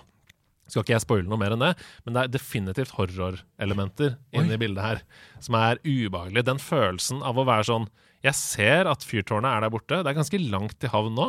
Nå går sola ned. Yikes. Jeg har et problem nå for å komme meg Jeg må Og jeg har på bare en liten lykt. jeg har bare en liten lykt på båten. Den må jeg oppgradere neste gang jeg kan, for den er for liten. Sånne ting, da. Så det er den følelsen av at sånn um, Ja, litt som den følelsen av å enda, få større og bedre fisk fordi du får bedre og bedre utstyr, eh, kombinert med den ubehaget eh, av hva som befinner seg i havet, da. Du har den National Geographic-serien Ja. om disse fiskerne i USA og Alaska. Ja, ja, ja, ja, ja, ja. ja. Det er litt den følelsen. Ja, det står mye på spill. Ja. Så, ja. Og når du begynner å få sånne En del av de um, skapningene som eh, er på absolutt det dypeste havet i virkeligheten, da, Ja, det er det de verste. er jo veldig ubehagelige. Det er forferdelige fisker. Ja, det, uh, det er en del sånne horrortroper som er inspirert av dem. Hva er det det heter igjen? Disse, altså I Bloodborne og sånn, så er det en sånn type horrorstil. Åh, jeg leter Lovecraftian? Ja, ja, ja. Lovecraftian og Lovecraft er jo inspirert av uh, dy, havets um, skapninger. Så Dredge, kjempebra spill. Anbefaler på det uh, sterkeste. Hvis du trenger et mobilspill Ja, til å spille litt på toalettet eller på trikken eller bare mellom slaga. Du er på opptak. Uh, regissøren sier eh, 'Vi tar 15'. Her er Ok, eh, Greit, jeg går og spiller mobilspillet som eh, vi skal få høre om nå. Ja. Det heter Subpar Pool. Eh, og det er et kjempegøy spill. Eh, gøy i ordets rette forstand. Du ler. Ja, det var et eh, under, under middels uh, badebasseng. Ja, ja! Det er gøy! Men pool er i dette tilfellet biljard. Ah. Og subpar kommer som et ordspill på golf. Oh, ja. Så poenget her er at du blir uh, Du spiller ovenfra og ned. Veldig søtt design. Uh, biljardballer som prater til deg. Kjempegøy. Og så, og så blir du på en måte presentert for et slags puzzle. Du har tre slag på å få alle biljardballene ned i hullene på brettet. Og hvis du klarer det under de tilmålte antall slag, da får du subpar. Selvfølgelig. Eh, hvis du klarer det på tilmålt antall slag, så får du par. Eh, og etter hvert som du eh, kommer deg videre og videre i dette mobilspillet, så blir det med flere og flere mekanikker. Plutselig så har biljardbordet en slags teleport, hvor du kan skyte ballen inn, og så kommer den ut et annet sted, osv. Så, videre, og så, videre. så veldig enkelt, veldig gøy. eh, lett å sette seg ned med å bare ta ett brett. Designet er fantastisk, musikken er koselig. Så hvis du liker minigolf og biljard, og sånne små, raske mobilspill der du kan ta en bane eller to liksom, på trikken, helt perfekt. Subpar pool der, altså. Ingenting med badebasseng å gjøre. Absolutt ikke. Og helt til slutt så har jeg spilt et spill som har embargo 16. januar. I dag, altså. Det er The Last of Us Part 2 remastered. Og jeg har bare ett spørsmål. Hva skal vi med dette spillet? Nei. Eh, vi skal ingenting med dette spillet, Andreas. Jeg har ikke spilt det selv, så jeg kan ikke snakke til dets kvaliteter. Mm. Eh, men eh, spill, altså Last of Us Part 2 kom i 2021, tror jeg. 2020. 2020? Gjorde det ikke det, da? Eh, Jeg føler at det kom i 2020. Ja, jeg stoler på deg. Ja. Uh, og ser fortsatt uh, bedre ut enn de fleste spill som lages uh, nå. Mm. Så jeg ser ingen grunn til det. Nei, det er et helt unødvendig spill. Jeg opplever denne utgivelsen som en cash grab fra Naughty Dog, som er et av verdens største spillselskaper. Så det er, det er første gang jeg, jeg er litt lei meg over dette spillet. For å være helt ærlig. Fordi det, det forrige spillet som kom i 2020, ser fantastisk ut. Det trenger ingen oppgradering. Og det appellerer så voldsomt til fansen. Altså, Man kommer til å få fomo av å ikke kjøpe dette spillet. Um, og det trenger man ikke. Man trenger ikke å kjøpe dette spillet. Mm. Du trenger ikke å bruke fullpris på å kjøpe det på nytt. For det er, for meg, ingen visuell forskjell. Fra The Last of Us Part 2 til The Last of Us Part 2 remastered. Mm. Um, hvis det hadde vært et ti år gammelt spill, fullt uh, forståelig, du hadde kunnet leve deg mer inn i animasjonene fordi menneskene ser mer realistiske ut. Det er ingen forskjell. Jeg klarer ikke å se noen forskjell på, på spillet. Um, det eneste som er her, som er verdt å kjøpe det for, er en ny modus, som er en slags rogelight-modus. Der hvor du eh, spiller deg gjennom, litt som i Slay the Spire. Du blir satt som eh, karakterene fra spillet i baner der hvor det kommer horder av fiender mot deg. Og så må du snike deg rundt, finne upgrades og ta livet av dem. Før du til slutt kommer til en boss, og så kommer du videre til neste map. på en måte. Ja, Så det er løsrevet fra historien? Ja, Ja. Det er en egen modus som føles litt som Hades, Mm. bare satt i dette universet. Um, det er gøy, det, men det er ikke gøy nok eh, til å betale full pris for dette. Eh, I tillegg til det så er det tre eh, scener, altså tre spillsekvenser, som ble tatt ut av hovedspillet, som du nå får lov til å spille. Mm. Det er ganske kult, men det ødelegger også litt. Fordi animasjonen er ikke ferdig. Eh, Ellie, altså hovedpersonen, ser kjip ut. Hun drikker øl sånn her, og flaska holder ikke i hånda. For det er jo uferdig, ikke sant? Kjemperart. Så det appellerer jo til fansen. Det sier sånn her får dere mer, og dere får vite hvorfor vi tok avgjørelsen om at vi ikke tok det med i spillet og sånn. Men det bare minner meg på at det er et spill. Mm. Og det ødelegger for meg, som har et så nært forhold til Ellie, til Abby, til de karakterene fra det spillet. Så når jeg ser sånn Å ja, hun er en hakkete figur som går rundt, så får jeg et dårligere forhold til Ellie Mm. av å spille det. Så det, det river og sliter i meg som fan. Fordi jeg har lyst til at dere skal få oppleve det, og høre på intervjuer med de forskjellige og sånn. Men jeg har også lyst, som du sa i stad, noen ganger er det best å bare la det ligge. Ikke sant? Fordi det er jo en grunn til at dette ikke kom med i spillet. For det gjør spillet dårligere. Ja. Så jeg vet ikke hvordan du hadde forholdt deg til det. Altså Hvis du hadde fått vite alt som foregikk i garderoben i Norwich, liksom, hadde du dig- digga det? Eller hadde det kanskje ødelagt noe av magien òg? Eller? Jeg vet ikke, Nå fins det veldig mange sånne serier da, som skal liksom vise det. Eh, så ja, noen mister jo litt De som jeg føler alltid kommer dogs ut av det, er jo trenerne. Mm. Man tar jo ikke med det nøye arbeidet de gjør. Man tar bare med eh, Fucking get in there and fucking take him and fucking go out there and win. Og så er det liksom bare, okay. Det bare banningen My, deres. mye, mye, mye innhold der, altså. Så ja. Uh, nei, så jeg skjønner. Ja. Ja, så det er Hvis du har lyst til å spille The Last of Us Part 2, og aldri har spilt det før, så kjøp heller The Last of Us Part 2. Hvorfor det? Uh, fordi det er mye billigere. Og det er det! Ja. Oh, ja. Eh, The Last of Us Part 2 Remastered har jo fullpris, mens The Last of Us Part 2 er jo billigere. ja. Men hvis man, hvis man eier det fra før av, så koster dette en slikk og ingenting. Og det er den eneste grunnen jeg kan se. Altså Hvis du er kjempefan av dette spillet, så koster det vel en hundrelapp, tror jeg, Mm. å, å få seg Hvis du eier det gamle. Og det kan det for noen være verdt, det å spille denne nye modusen. Det å, øhm, det å øh, se disse scenene som ikke du har sett før, osv. For meg er det ikke verdt det, fordi det ripper opp i noe, på en måte. Eh, men spillet er jo dritbra. Det er fortsatt et av de verdens beste spill. Det er verdens beste spill. Kan ikke si ett av. Det er verdens beste Det er spill. verdens beste spill. Ja. Så, så, men jeg, jeg vet ikke. Jeg kan ikke per nå anbefale at man bruker fullpris på det når det samme spillet ligger ute til mye lavere pris. Da, Jeg støtter det. Da skrur vi på lyden på Twitch igjen. Uh, hei, Twitch! Her er dere! Nå er vi tilbake igjen. Det var embargo-øyeblikket der som, uh, som er over. Og ellers, da, utover det, så bruker jeg jo all min ledige tid på å se på GameStone Quick. Det er det beste. Det er det beste som fins. Det er det beste som fins i hele vide verden. Sier ett spill jeg har sett uh, Quick Play. Og Metroid 2 så jeg i går kveld. Kjempegøy. Nå trenger jeg ikke å spille det spillet. Nei. Fordi nå har jeg sett hele spillet. Veldig synd. Nei, Games on Quick, fantastisk. Vi skal videre i podkasten. Eh, Kasper, nå er vi så spente. Ha med, ha med dag. Hey, hey. Ha med, ha med dag. Ha med ting etter ditt behag. Hva har han med i dag? Hva har han med i Kan det være en ball En liten ball. som funker som en fotball, men kanskje han eh, lukter skall? Vi er spent på Kasper og hva han har tatt med seg inn hit. Er det en puck, eller er det noe som er hvitt? På denne ha med deg. Kanskje er det noe som du har på ditt hode? Kanskje er det noe som du har på dine føtter? Det eneste jeg er spent på, er om det er plass oppi i en sekk, eller om han har sprunget lekk på denne ha med dag. Hva har du tatt med deg, Kasper? Til oss? Du, jeg klarte jo ikke bestemme meg for én ting. Jeg fikk Nei. beskjed om én ting. Oh, ja. Nei, men det gjør ikke noe. Så jeg tok med litt mer. Men så får man bare Oi, han bøyer seg ned. Og det har plass til i en sekk, for jeg ser at Det har plass til i en sekk. det er svakt nok. Vi kan begynne med å skrive, da, Oi, her er det Så- en dokumentmappe. tok jeg med egentlig det som var The Canary Magazine, da. Som var medlemsbladet på et nummer som er ganske for Hold med, det med, opp til kameraet her. Så vi får med Ser du den? Mesteren og arvtakeren', står det på. Ja, og det er, her er du original. Oi! Og det detter ut. Ja, fordi det var sånn du lagde det. Altså, Ja, Du, du ja. klippa og lima og Klippa, lima og skrev og holdt på, og så øh, tjuvlånte kopimaskin et eller annet sted.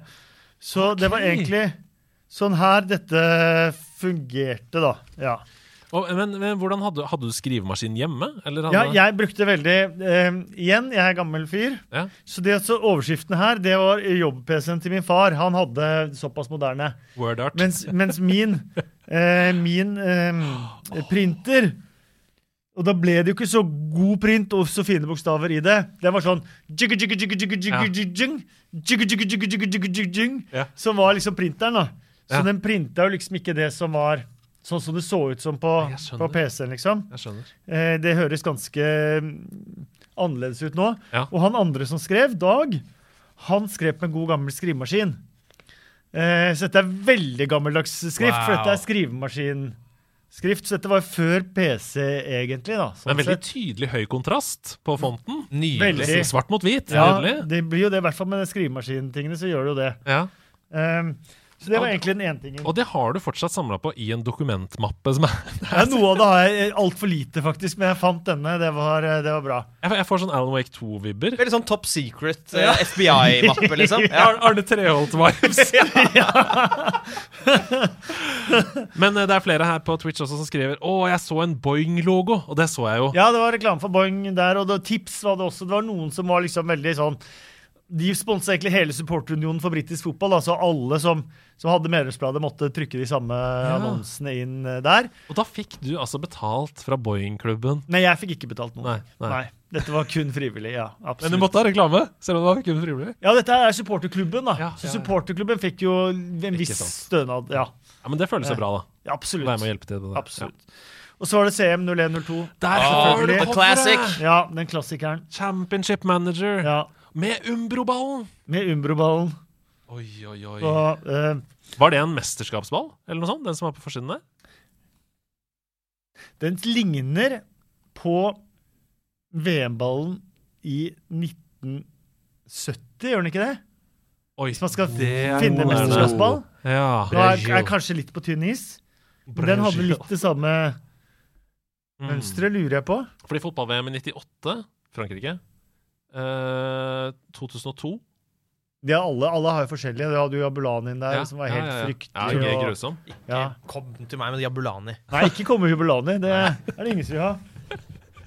Nei, det er det faktisk ikke. Som keeper var det grusomt Mm. med Jabulani Vi må bare ta litt det vi har vært gjennom, da. Ja, det er deilig, det! Å, Og da har vi Play manager og kick, Wow! kickoff.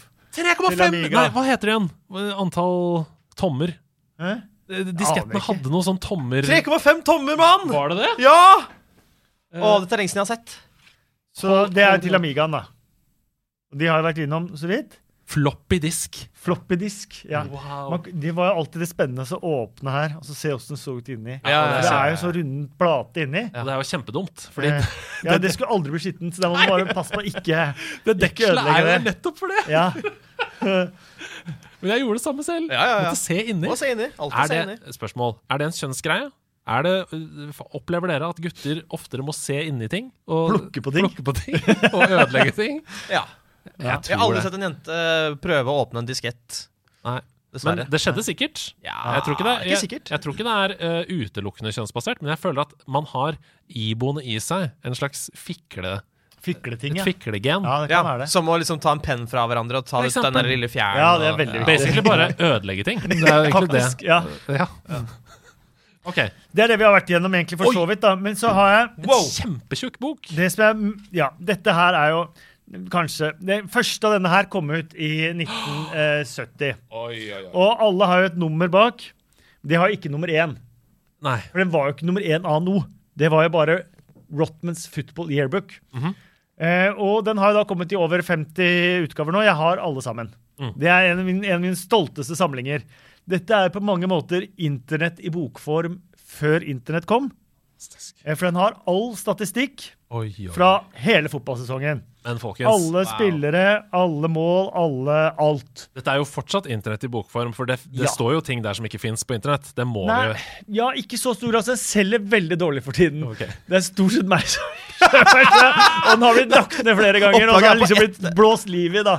Men jeg er veldig veldig glad så lenge de kommer med den hvert år. De gir ut én hvert år, og den, den er det du som kjøper. Ja, og det var jo et ektepar som la, ga ut dette her i mange år. Glenda og Brenda Nei, Glenn og Brenda Rollin, tror jeg de het. Hei til dere. Hei, hei. Hei til dere, Eh, Glenn og Brenda. eh, som, som så ga ut dette hvert. Og det heter Rottmans Football Airbook, og det er det det er kjent som. Du er som fotballens Christer Falk. Han, han reviver jo gamle CD-plater. Ja, det så jeg. Det er fantastisk Fantastisk gjort. jobb han har gjort. Fantastisk jobb han har gjort. 600 plater i fjor Ja, eller noe. helt vilt. Helt utrolig. Eh, og du gjør det samme. Du Ja, nei, men disse her er Og jeg syns det er så stas første liksom turen til England eh, på våren når man skal kommentere, og stikke innom min faste bokbutikk i London og høre om de har fått den.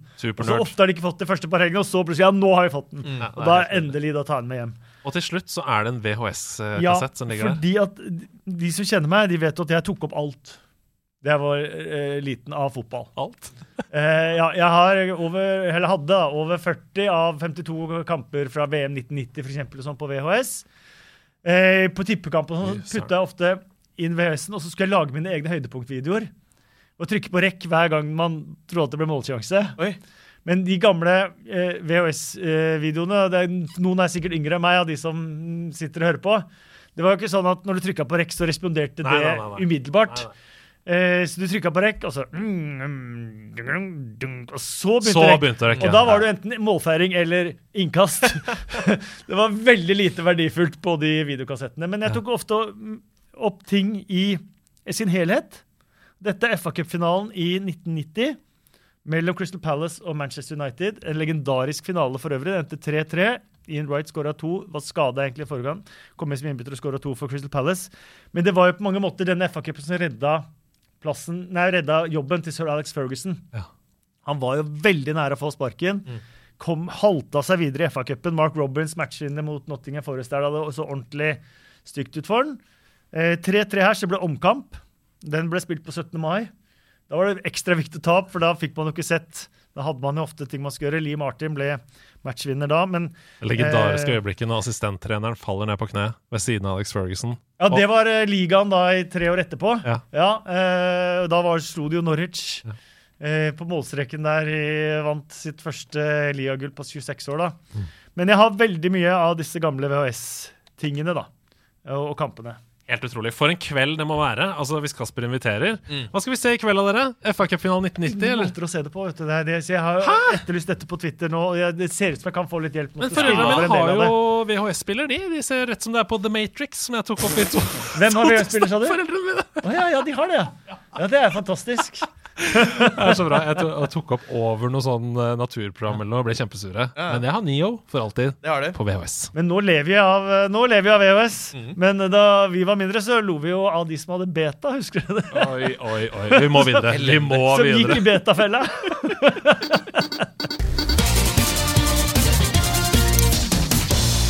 Halla, sklei du? Mitt navn er Andreas Hedman, og dette her, det er Nerdenytt. Nå på lørdag inviterer E-sportalliansen til et gratis arrangement for jenter i alle aldre på Sentralen i Oslo, som de kaller for Jentegaming. De fikser alt av gamingutstyr og har med seg jenter fra Gamergals, Apex, House of Nerds og mye mer. Vår egen Ida Horpestad hun kommer også, så er du jente eller kvinne og glad i gaming, så møt opp på Sentralen i Oslo fra 12 til 18 for å game Mario Kart, Fortnite, Roblox, Valorant, møte masse kule folk og mye, mye mer. Ukas største nyhet i Spill-Norge smalt som en bombe på mandag, og det er at The Gathering 2024 er avlyst. Det er ikke slutt for The Gathering, men årets arrangement er avlyst etter en samlet vurdering fra styret og arrangementsledelsen, sier Trine Hånes i ledergruppen til TG. Dette er et arrangement som vi bryr oss veldig mye om, og det er et viktig sted for at barn og unge skal møte likesinnede. Vi har all intensjon om å komme tilbake igjen med et arrangement, og retter nå alt fokus mot neste år, sier ledergruppa videre. Og bare kort fra dere, er ikke dette kjempetrist, da? Jo, det var dritt. Ja, det var Det skikkelig jeg, dritt. Ja, mm. TG har jo alltid vært der. Mm. Har du noe minne fra TG selv, Kasper? Eller Nei, jeg har, aldri, vært der? og jeg har aldri vært så flink til å spille med andre. Det har, vært, eh, det har jeg aldri vært noe god på. Mm. Eh, så nei, eh, ingenting av av det. Hva tenker du, Hasse? Jeg, jeg, har ikke vært på det heller, men jeg syns det er veldig trist. Jeg synes det er veldig rart, og jeg skjønner ikke Det var snakk om at det hadde kanskje med covid å gjøre, men jeg synes, er ikke vi for lengst ferdig med at det påvirker oss? Ja, Det vi dessverre ser, da, det er jo at post covid så har terskelen for å være med på sånne ting blitt mye høyere. Eh, alle land rapporterer om dette. Mye med færre innsats, fordi de digitale eh, hjelpemidlene skøyt i været uh, under bruk ikke sant, under covid. Så eh, man har LAN hjemme, og så glemmer man også at det er gøy. Man, Det er jo sosialt eh, utfordrende. Det er en terskel å skulle sitte der i den hallen og sove på en madrass. og Man føler på masse ting som man kanskje ikke følte på tidligere. Så det er litt sånn, Man må bare kaste seg ut i det, folkens. Vi må tilbake igjen til å møte hverandre, være sammen. Eh, Det er viktig, altså. Eh, Konsertarrangører sier det samme. Det er færre på konsertene enn det var før covid osv. Det har blitt lettere å bli hjemme. Merker du det også, eller? På arrangementer, sportsarrangementer osv., eller? Nei, jeg merker ikke det i så stor grad, faktisk. Og jeg tror liksom det med På hvert fall fotball og, og ishockey og, og Ja. sånne idretter, så tror jeg nesten at det er litt omvendt. At man eh, savna det så fælt da det var Ja. borte, at man setter enda større pris på det. Man ser jo tilskuertallet øker jo i Eliteserien og sånt nå. Ja, ja, ja.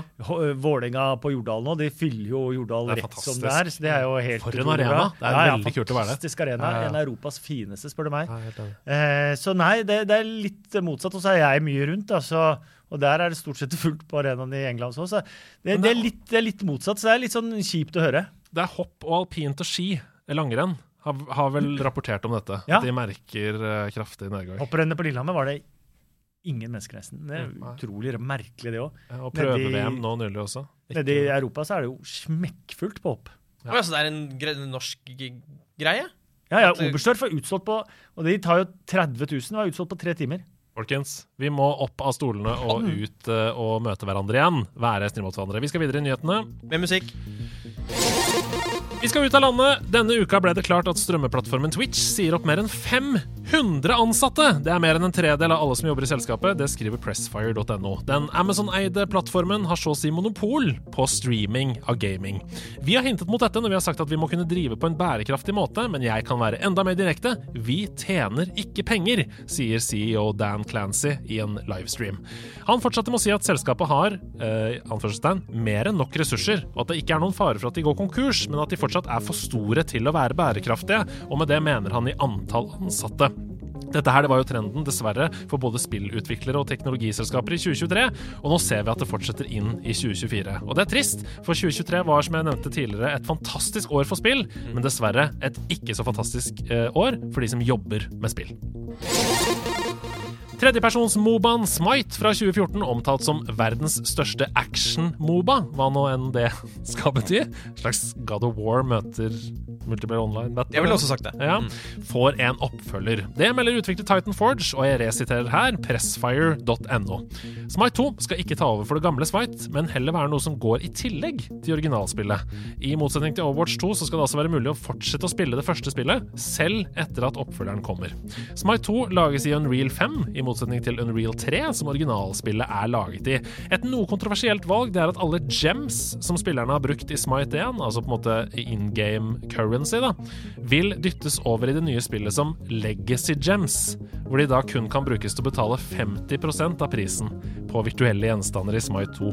Med andre ord så har inflasjonen nådd Smite-universet. Pengene dine, som du allerede har brukt, er nå verdt halvparten! eh, altså, eh, vi må diskutere dette litt også, eh, Hasse, fordi da Overwatch 1 ble Overwatch 2, så ble jo alle de gamle skinsene De ble med over. Yep. Og det var jo helt fantastisk. Eh, Smite 2-utviklerne sier at det ville tatt hva var det stod, 240 ansatte flere år å overføre alle disse skinsene ja. til det nye spillet. Derfor har de gjort det på denne måten. Okay. Men da føler jeg jo at det er litt gnient å bare gi tilbake 50% av det folk har brukt. ja, det er det. Da må du gi tilbake 100 Ja, eller må du det? Fordi i Fifa for eksempel, så kommer det et nytt spill hvert år, og jo ikke, du får ikke med deg det, men, altså, men i og med at du kan fortsatt spille Smite 1, Ja, så er det jo greit. Altså, det er ikke sånn at du mister muligheten til å Nei, jeg er enig. det. Det er sånn de kommer seg unna. Vi går videre med. En alfatest av dette spillet kommer til å skje i løpet av våren 2024 med 25 spillbare guder, som er det det heter i det spillet. 50 guder skal være klare til lansering av spillet, og 100 skal være klare i løpet av 2026. Vi skal til værmeldingen. Det slippes som alltid mange spill, men det er spesielt to spennende spill på værmeldingen denne uka. Først ut så har vi en moderne Metroidvania, nemlig Prince of Persia, The Lost Crown. Og Prince of Persia var jo aktuelt allerede da du spilte. På 80-90-tallet, liksom. 60-tallet. Ja. Du spilte med Woodstock, du. Det er gøy! Så Jimmy Hendrix som spilte Prince of Persia. Nei, men uh, The Lost Crown er ute på alle konsoller og PC torsdag 18. januar. Hvorfor har jeg skrevet oktober her? Det er utvilsomt 18. januar. Hvis alt går etter planen, så har vi også anmeldelse av Prince of Persia The Lost Crown klar til neste episode av Nerdelandslaget. Og dagen etter, fredag 19. januar, så kommer spillet jeg snakket om tidligere i podkasten, The Last of Us Part 2 Remastered, eksklusivt til PlayStation 5. Dette spillet kjenner dere til, og hvis dere ikke har spilt disse spillene, så er det pensum. Det må gjøres. Og hvis det er noen år siden sist, så anbefaler vi å komme gjennom Part 2 før sesong 2 av TV-serien kommer i 2025. Halla! Sklei du? Der kom den. Jeg venta på den. Ja, ja. Mitt navn er Andreas Hedemann, og dette her, det var Nerdenytt.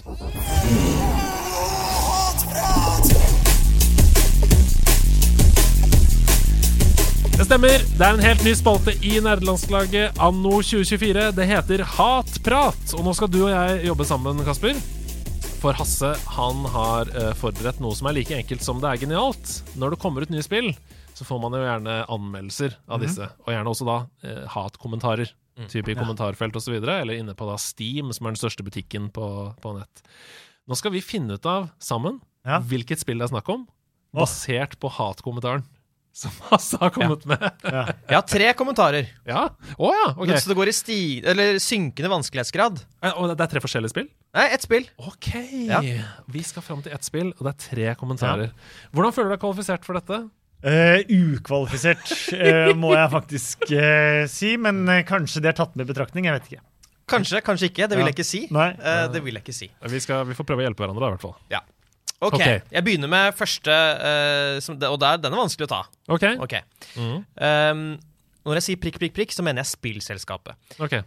Prikk, prikk, prikk is only good at one thing, and it's at disappointing us. Den er hardt. Ja, det er knall, og det er hele kommentaren vi får? Ja, jeg sa det skulle være vanskelig. Uh, okay, EA Sports. It's in the game. Du, der er du inne på noe. It's only good at one thing, thing is disappointing us. For det er jo åpenbart et veldig stort selskap her, Ja. som gir ut mye spill. EA Sports, ja.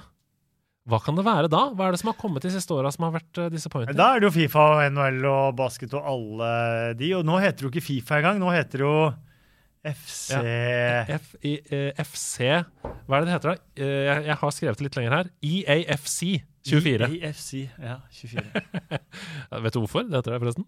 Ja, de klarte jo ikke å forlenge avtalen med Fifa, tror jeg. Nei, fordi Fifa ville ha en tidobling av honoraret Ja. for å bruke navnet. Det høres ut som Fifa anno 2024, det. Klassisk, det. Ja. Nei, men vet du hva? Du er inne på noe der. Og hvis vi går for at det er EA Sports han snakker om, da tror jeg det er NBA 2K24. For det er en forferdelig skuffelse. Det har overwhelmingly neg negative på, på Steam. Ja. Skal vi svare det? Ja, kan svare. Hvis vi klarer det nå, så blir jeg helt uh, gal, altså. Det er feil. Søren. Her kommer uh, kommentar to. ok. Did I ever tell you what the definition of insanity is? Insanity is doing the exact same fucking thing over and over again, expecting shit to change. That is crazy. My hairline has gotten three centimeters worse since I purchased this game. I hate my life, my mental health is in peril because of this game, and my wallet is begging me to stop purchasing prick, prick, prick points. Jeg kan jo ingen spill, egentlig. Det eneste jeg kan sånn prikk, prikk, prikk points, er Fifa points. Ja, for det høres ut som det. For det har jeg betalt for ganske mye de, de siste ti årene for eh, min sønn. Ja, for det er det, ikke sant? Det, er det. det var ikke for deg selv, nei. Nei, ikke for meg selv, nei. Jeg har Men- ikke kjøpt et eneste Fifa point til Kasper. Men det Men, rimer også Hvis vi antar igjen at det er EA Sports som er første, Ja. og det rimer også med at Insanity again and again and again At det er det samme spillet. For det sier jo folk uh, at det er for små endringer til å rettferdiggjøre uh, et nytt Ultimate Team, da, for eksempel. Ja. Nei, ja, som sagt, jeg har ikke spilt mye Fifa heller, så I wouldn't know, men uh, Fifa 24. Er det det nyeste som har kommet, eller heter det Fifa 23? Nei, EA Sports 24. EA Sports eh, 24, ja, FC. Vet du hva? Vi svarer det. Okay. EA FC 24. Bazinga! Er det riktig? Ja. Hva er det siste? Vi klarte det! Vi klarte det! To poeng. Eh, To poeng. Yes! Hva er det siste kommentaren? Uh, siste er bare uh, Good game like always, especially the gambling mechanics designed for kids.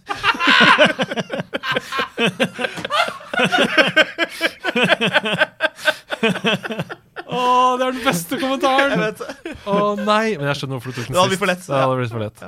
Nei, dette var gøy. Especially gambling mechanics for kids. Vi må få det ut av spill. Det er skikkelig Det er veldig dritt at det fins. Ja. Få det ut av spill. Tusen takk for en nydelig hatprat, Hasse. Vi skal videre i nerdelandslaget. Anmeldelse i nerdelandslaget. Det stemmer. Vi har en ny anmeldelse i nerdelandslaget. Akkurat som alle andre som driver med musikk eller film eller spill, eller sånn, så anmelder jo vi også spill. Det har jeg ikke tenkt på. Eh, det har ikke tenkt på. og i forrige uke skulle, Denne anmeldelsen skulle egentlig komme i forrige uke. For det var Steffen som skulle anmelde PlayStation Portal, den nye håndholdte til eh, PlayStation. Har du fått med deg den? Nei. Fordi eh, hvis din sønn spiller mye PlayStation, tenkte jeg Har dere Ja. PlayStation 5, forresten? Ja da. Ja, dere har det, ja. Vet du hva? Eh, eh, da, da PlayStation 5 var helt nytt, og ingen butikker hadde det, så kunne man eh, eh, ta, trekke lodd, han har sagt, Ja. for å få kjøpe. Ja.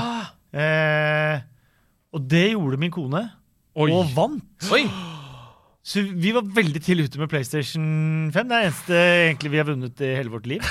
Nei, det er- sier vi, men Vi har eh, et livets lotteri òg. Ja, langt, Kjærlighetens men, lotteri. men men, ja, men eh, Så det var jo Ja. Ja. Ja, og nå har det kommet en håndholdt konsoll til uh, denne plattformen. Som er, det er ikke en håndholdt konsoll, det er et verktøy for å styre din PlayStation 5. Du kan ikke kjøpe den for seg selv, du må ha en PS5 i tillegg. Eh, men eh, Steffen skulle jo egentlig anmelde dette. Vi trodde det var noe galt med hans eksemplar, for han fikk det virkelig ikke til å virke hjemme hos seg selv. Så tok jeg det med hjem, og så viste det seg at det var nok bare internetthastigheten slash eh, nettilgangen, og spesielt det at Steffen ikke hadde koblet til sin PlayStation med eternettkabel, som var det store utfordringen. Så nå skal dere høre hva jeg syns om PlayStation Portal.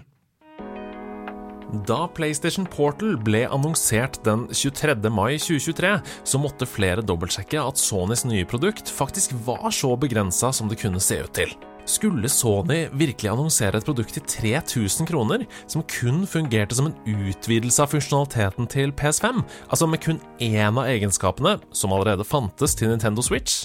Det å fortsette spillingen i senga, uten støtte for Bluetooth, uten støtte for å brukes med mobile nettverk, sånn som PlayStation Vita, uten iboende maskinvare og med en tilkoblingsprosess for hver eneste gang man skulle spille på den. Hvordan kunne et produkt som ikke gjorde noe annet enn det Sony allerede hadde gratis tilgjengelig for alle, altså Remote Play, være verdt 3000 kroner på toppen av 7000 kroner for en PlayStation 5? Akkurat som da iPhone ble lansert i 2007, så kvesset både teknologijournalister og konkurrentene pennene. Dette var skivebom. En bokstøtte til 3000 kroner. Et produkt som ville bli liggende fremme for skrytefaktor eller samle støv i skapet. Vel, nå har jeg spilt på PlayStation Portal i én uke, og svaret er at kritikerne delvis hadde rett, men ikke av grunnene de trodde. Det er nemlig kjempegøy å spille på PlayStation Portal. Hovedproblemet er at Sony lever i en fremtid som folk flest ikke lever i. Later this year, we will launch a dedicated device that enables you to stream any game from your PS5 console using remote play over Wi Fi.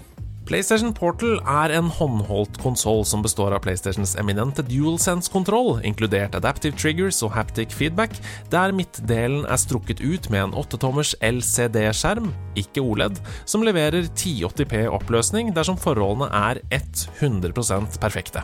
Portal har en USB-C-port som brukes til lading, og i boksen så følger det med USB-C-kabel, men ikke et strømadapter, sånn som det gjør med Nintendo Switch, så dette må du med andre ord skaffe deg selv, eller gjøre som meg, lade PlayStation Portal i USB-C-porten til PS5. Den iboende høyttaleren i Portal er ingenting å skryte av, men den virker.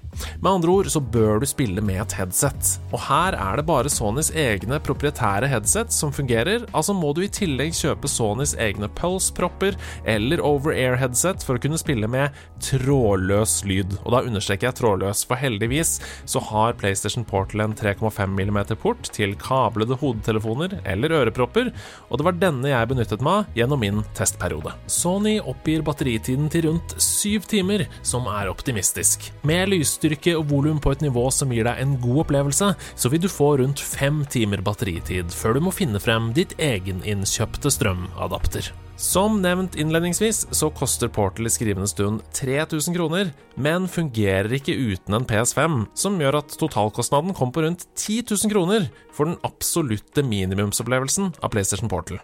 Og hva er den? Hva er opplevelsen av en PlayStation Portal? Internally known as Project Q, it has an 8-inch HD screen and all of the buttons and features of the DualSense wireless controller. For det første, det er ingenting der. Bare la meg understreke dette så tydelig som mulig. PlayStation Portal er en mindre skjerm for din PS5. Ingenting annet.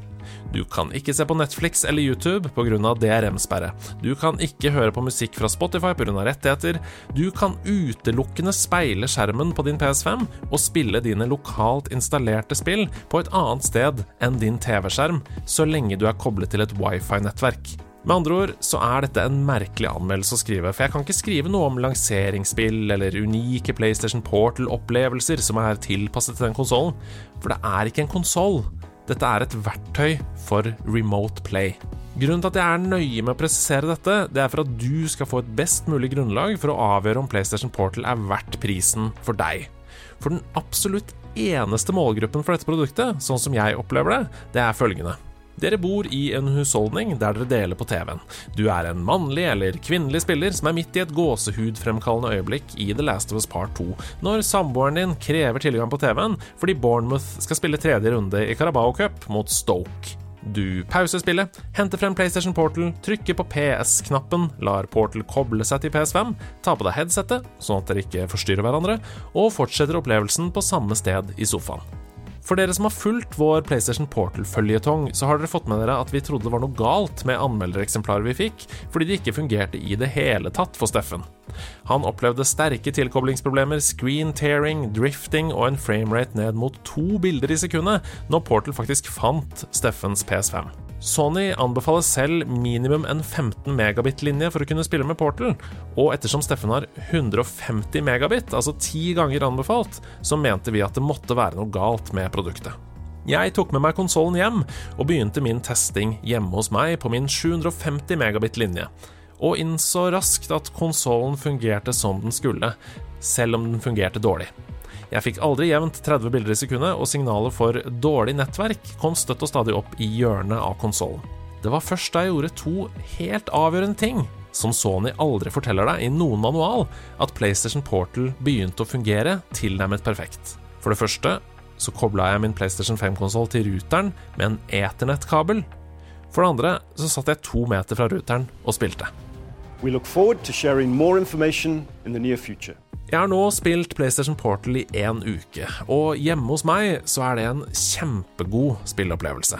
Det er fantastisk gøy å kunne spille Cyberpunk 2077, God of War Ragnarok eller The Last of Us Part 2 Remastered på en åttetommer skjerm bare centimeter fra øynene. Kompetitive skytespill som Fortnite eller Overwatch 2 det kan jeg ikke anbefale, i hvert fall ikke i ranked, ettersom jeg opplever at vi enn så lenge ikke kan stole 100% på teknologien. Det er lite som er surere enn å tape en match når det ikke er din egen feil. Det er også mulig at jeg har merkelige hender, men jeg syns ikke ergonomien på Portal er like god som på en normal DualSense, og det fører til at jeg får vondt i både håndledd og senene opp mot tomlene etter flere timers sammenhengende spilling. Det er godt mulig at dette her er individuelt, men jeg opplever den rett og slett som litt klønete å holde i til tider, og at den fungerer best når jeg lener den på lårene, sittende sammenkrøllet i en sofa. Men spillopplevelsen i seg selv, når den fungerer optimalt, er kjempebra. Det er jo som å spille på en PS5, og det er som vi alle vet en helt nydelig opplevelse.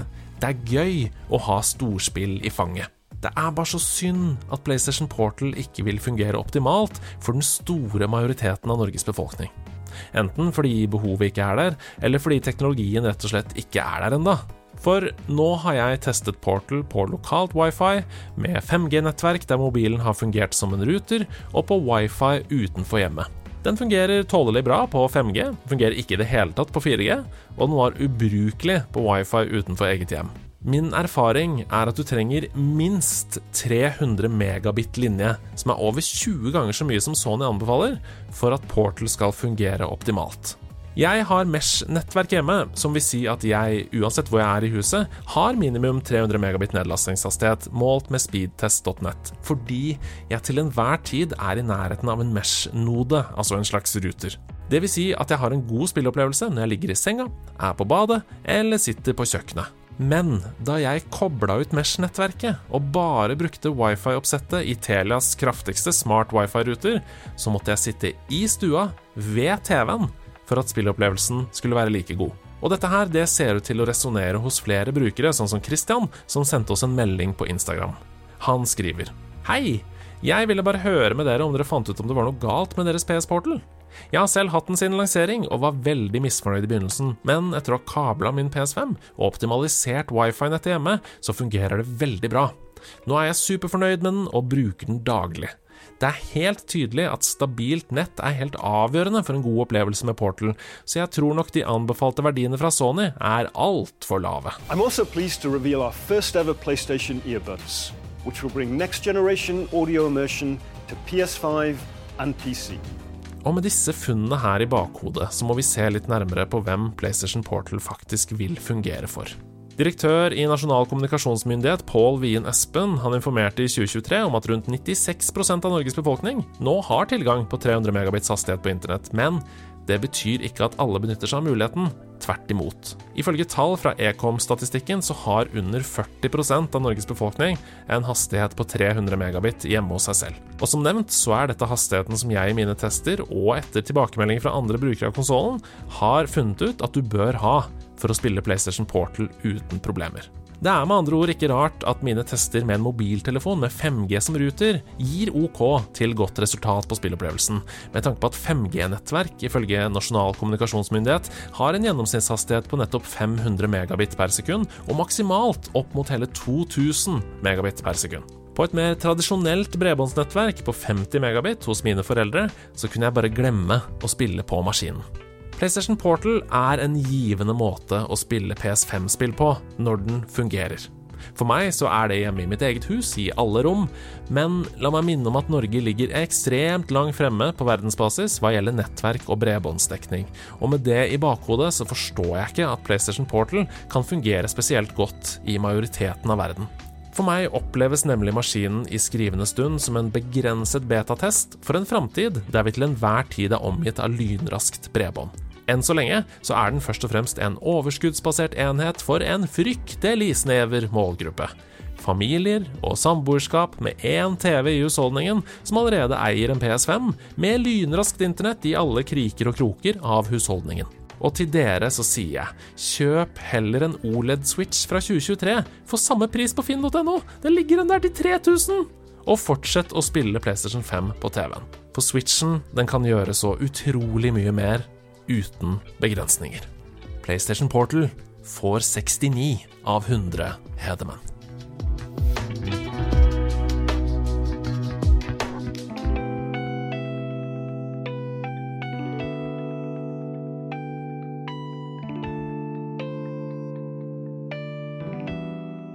Ja da, Den satt. Da, den satt. Det eneste jeg har lyst til å si her, eh, som jeg har lyst til å snakke litt med dere om, det er at jeg gir jo altså denne konsollen 69 av 100 Hedemann. Du syns det er gøy tall? Det er kjempegøy tall. Du fortsetter føljetongen din i denne podkasten med Boulderskate og ja. Men jeg syns det er veldig lite poeng å gi en karakterscore til den. Eh, fordi for ganske mange, sånn som jeg også sier i podkasten, så er dette null av 100. Altså det er helt ubrukelig. Eh, enten fordi du har for dårlig internett eller for dårlige tilkoblingsmuligheter, eller fordi du ikke trenger dette. Det er et ekstremt nisjeprodukt. Og for noen andre så vil det være 100 av 100. Det vil være livsreddende i hjemmet.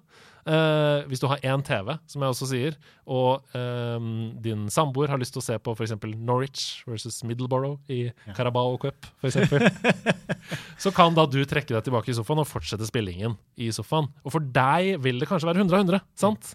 Så jeg bare anbefaler å lytte til det jeg har sagt, og finne ut om det er relevant for deg. Dette er ikke et must buy-produkt i det hele tatt. Det er ikke et veldig nisjeprodukt. Utrolig polariserende verktøy, bare. Som er for ganske få. Ja. Eh, Men sånn er det. Hva er det mest polariserende verktøyet du kan tenke på, Hasse? Det vil jeg ikke si høyt. Well, actually, surely what you're saying is a balderdash of ox's feces, sausage tissue, urine talk. On, on the contrary, no, no, no, no. I beg to differ! De nerde strides. Stemmer. Kasper, vi ba deg forberede en kontroversiell mening som kunne ta med i dagens podkast. Har du gjort leksene dine? Har du med deg noe som du mener er kontroversielt? Eh, nei, eh, eller ja, eh, men den er på en måte tatt litt. Å ja, ok. Ja. Men da kan vi gå i dybden på den her. Fortell. Eh, ja, nei, for jeg eh, mener jo da at eh, Fifa Mhm. eh, aldri har eh, eh, I alle aspekter av uh, Fifa, om om du har både karrieremodus og når du har uh, spilling nå, Men nå har jeg spilt fi lite Fifa de siste årene også. Mhm. Jeg syns ikke mm, eh, Fifa eh, sånn eh, spillemessig er uh, har aldri nådd helt opp for, for meg. Uh, karrieremodus, eh, så er det jo um, Og jeg hadde en diskusjon da med min eh, sønn her, hvor han eh, For han liker ikke football manager, men jeg eh, mener jo det motsatte av han. Han sa eh, at uh, football manager bare er en sånn Wish-variant av uh, Fifa uh, karrieremodus. Ok. Og jeg- Shots fired! Det. Og jeg mener det er eh, tvert 100 eh, motsatt. Ja. Ja. Du mener altså at Fifa er en Wish-versjon av Football Manager? Eh, karrieremodusen, eh, Ja. ja. definitivt. Kan du kjenne deg igjen i dette, Hasse? Nå har ikke du spilt noe særlig Football Manager, men du kjenner jo til hva det går ut på. Ja, Eh, du er jo glad i Fifa. Jeg er glad i Fifa, jeg. Ja. Men jeg har ikke spilt career mode, så det kan jeg ikke si noe om. Har du aldri spilt career mode? Nei. Ok. Jeg, jeg spiller Jeg går ut på banen og spiller vanlig fotball, jeg, med Garincha, Sokrates Gamlegutta. Nei, for jeg koser meg egentlig med Fifa career mode. uh, iblant, spesielt hvis jeg har fått sånne eh, gavekort på PlayStation Store til jul. Da kan jeg finne på å kjøpe liksom, Fifa fra i fjor, bare fordi det koster 49 kroner, f.eks. Og så koser jeg meg med karri karrieremodusen. Hvor, du kan kjøpe du hvem med du vil, og du kan ha så mye penger, og du kan liksom Det, ja! det, det er liksom ikke noe Det, det ligger ikke noen utfordringer i Mm. det å bygge laget ditt uh, der. det er Og så kommer noen mailer motstand? inn der fra styret, og, og liksom sånn. Så det blir veldig sånn derre er Egentlig, ja, egentlig football manager for 25 år siden. da. Er det, eh, er det gøy å se på TV med deg hvis dere ser på noe sånn f.eks. for eksempel Dum og dummere? Det er for lite motstand her i karakterene!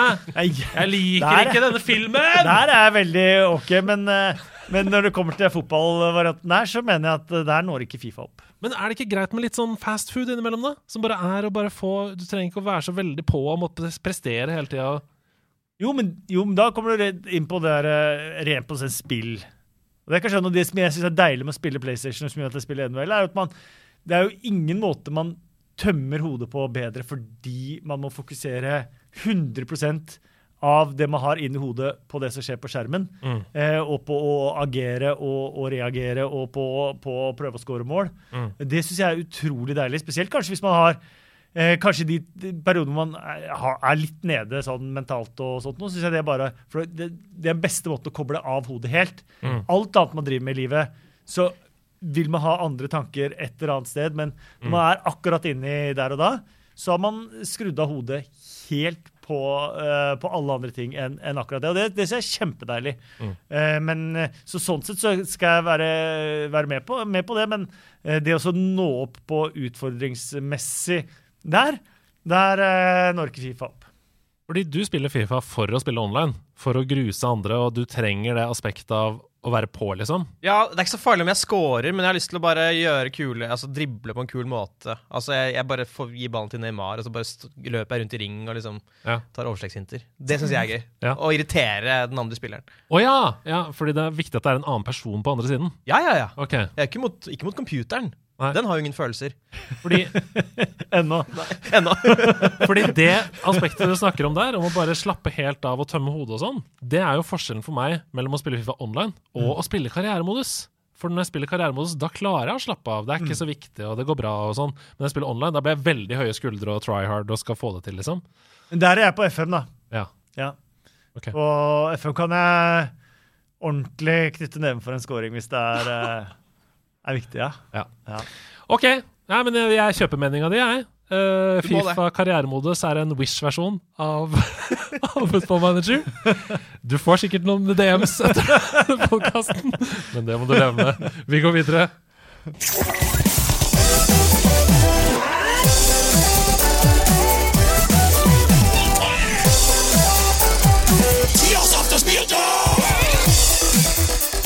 Det stemmer! Tears of the Spieldom er ikke død, selv om det er ny sesong. Nei da, vi kommer til å hente den opp rett som det er, vi. Denne spalten der hvor vi skal fram til et årstall, og hvor en av oss har forberedt hint som kommer, gir oss nærmere og nærmere dette årstallet. Det kan være spill som har kommet ut i året, men det kan også være populærkulturelle hendelser som snirkler oss inn mot dette året. Dette er jo nerdete å vite at det var i 1971, for eksempel. Eller 75, var det det var? Ja, dette fotografiet det var fra 1975. Og derfor så går det under nerdeparaplyen, da. Så igjen, Hasse har forberedt denne spalten, og det er vi som må jobbe sammen for å forstå Ja. hvilket årstall det er vi skal fram til her, Hasse. Nei, eh, Kasper. Er du god på det? Er du god på å plassere årstall? Eh, Jeg kan være god på det. Si et årstall. Hæ? Si et årstall, da. Eh, Rosenborg-Fyllingen. Cupfinalen. Å ja. ikke det 87? Ja, du er i nærheten. Er det? ja. Ja, Hva var det, da? 1990. Ah, 90. Ah, samme, samme som du hadde på VHS her. Eh, 1990. Gyllent år. Ja, stemmer. Det er cupfinale da. Ja, ja, det var egentlig det jeg burde si spørsmål. Ja, ja. Ok. Ja. Uh, har du, hva har du forberedt, altså? Nei, altså jeg har forberedt Det er tre deler. Okay. Uh, som alltid, som alle spalter jeg forbereder, så er det tre deler. Mm. Og uh, det begynner vanskelig, Mhm. og så lettere og lettere. Okay. Del én, da skal dere få høre en lydfil. Ja. Noe mer enn det sier jeg ikke, men okay. Ok. dette kan få dere inn på hvilket år vi skal til. Da får vi spisse ørene, så vi prøver å først forstå hva det er vi hører her. Ok.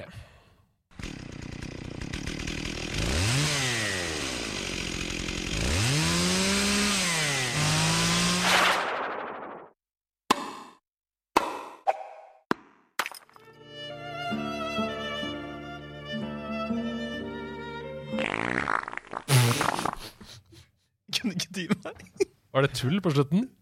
Nei, nei, det, det, Fisen har ikke noe med årstall Fisen har ikke å noe årstall å gjøre. Det var jo for jeg syntes det var gøy. Det første her er uh, Elastomania, tror jeg. Et motorsykkelspill. Ja. Men det var noe Men musikken hadde ikke noe Jo da, og det jo. er jo Gudfaren. Ja. Gudfaren 1. Har du det årstallet? Det har jeg ikke. Nei, men det er eh, 90-tallet. Gudfaren 1. Ja, er det det, eller er det slutten av 80? Nei, nei. Jeg prøver å finne på noen italienske gloser. Uh, brego. Bre, brego. Det, det var bedre. Brego. Jeg kommer ikke på uh, Gudfaren 1-året, altså. Nei. Kommer heller ikke på Elastomania. Men det er fra min oppvekst.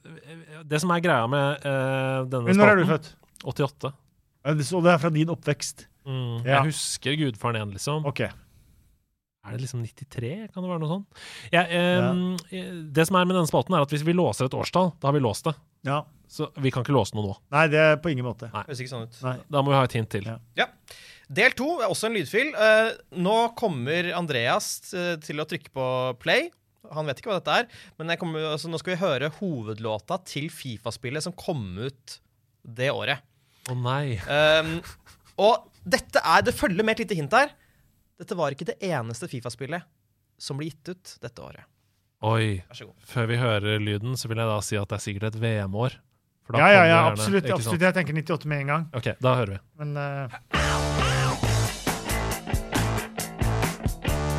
Daft Punk is playing at my house. At my house.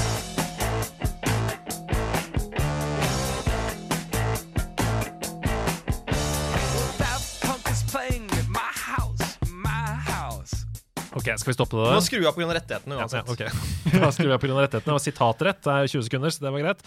Um, da er vi jo mye lenger fram i tid. Ja, plutselig, hvis det er 98 Jeg tror ikke det kom Fifa 94.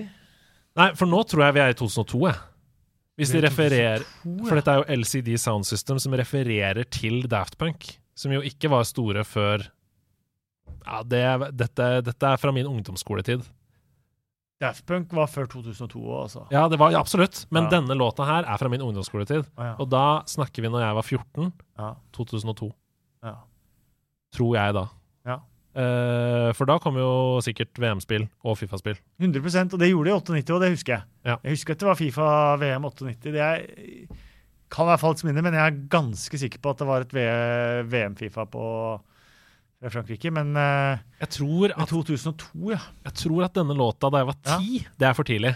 Kan det være et EM 2000? Kom det EM-Fifa? Nei, Jeg gjorde ikke det. Jeg tror ikke det. Nei, det kan jo ikke ha vært det. Det er jo Uefa. Ja, det sa det. Per definisjon. Der er du god! Der er du god. Nei, men da, da har jeg lyst til å låse 2002, 2002. Ja, og så får du jeg er heller med på det. korsfeste meg hvis nei, det jeg er er med på det. 98. Jeg Ja, er med på det. da låser vi 2002. Hva er det siste hintet? Det siste hintet er Årets best anmeldte spill, ifølge Metacritic, det var The Legend of Zelda Twilight Princess. Samme år skulle en av, ifølge 442, tidenes fem beste fotballspillere spille sin siste fotballkamp, og det i en VM-finale. Til stor skandale. Zidane. Nei. Zidane skulle spille Ja. VM-finale. Da er vi oppe i 2006. Er vi det, ja? Ja.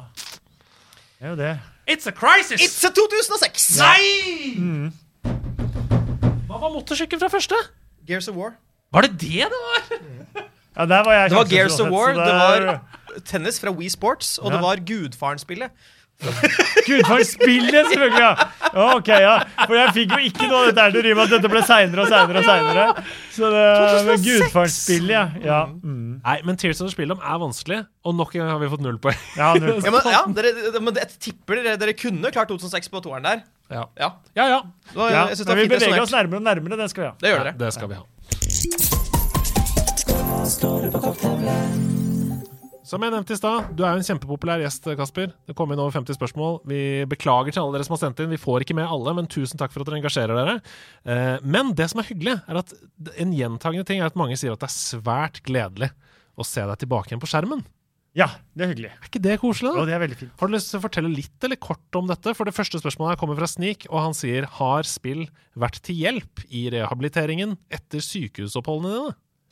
Ja, for så vidt. Det har jo gitt at man har litt bedre tid til å spille, og litt unnskyldning, da. Ja. til å spille, så det har vært bra. Tour de France var innom det, var jo eh, første, men eh, sånn som nå andre gangen. Jeg skulle vært her litt tidligere, Mm. eh, men da ble jeg jo sendt inn på sykehuset. Men det, det har gått mye raskere nå enn jeg hadde tenkt at det skulle gjøre, så det har vært eh, veldig greit. Altså. Men, eh, eh, men så, også det med PlayStation og spille NHL og sånn, sånn tømme hodet-ting, Mm. har det vært veldig greit. Mm. Det, og det syns jeg det, det, det, litt så tunge tider så, så, så syns jeg det er en sånn fin ting å for, Rett og slett fordi at det gir hodet litt hvile, da. ja. Ja. Mm. Istedenfor at det kverner, liksom. Mm, Det.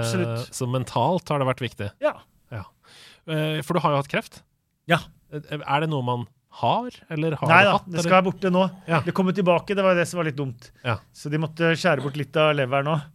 Eh, men nå mener de at jeg skal få tak i alt, så da ja. Ja, det er så fantastisk! Jeg blir så glad for å høre det! Ja.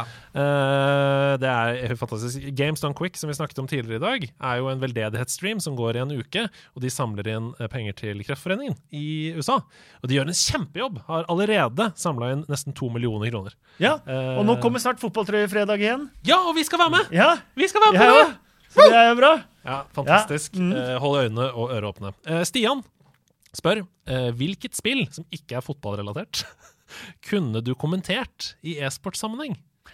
Jeg kommenterte jo et i e-sportsammenheng med Bjørn Erevik. Ja. Eh, hva kan det ha vært? Det var skyting og Fortnite, kan det ha vært det? Nei, det var ikke Fortnite. Nei. Det var noen Eh, Call krigsspillvariant. of Duty.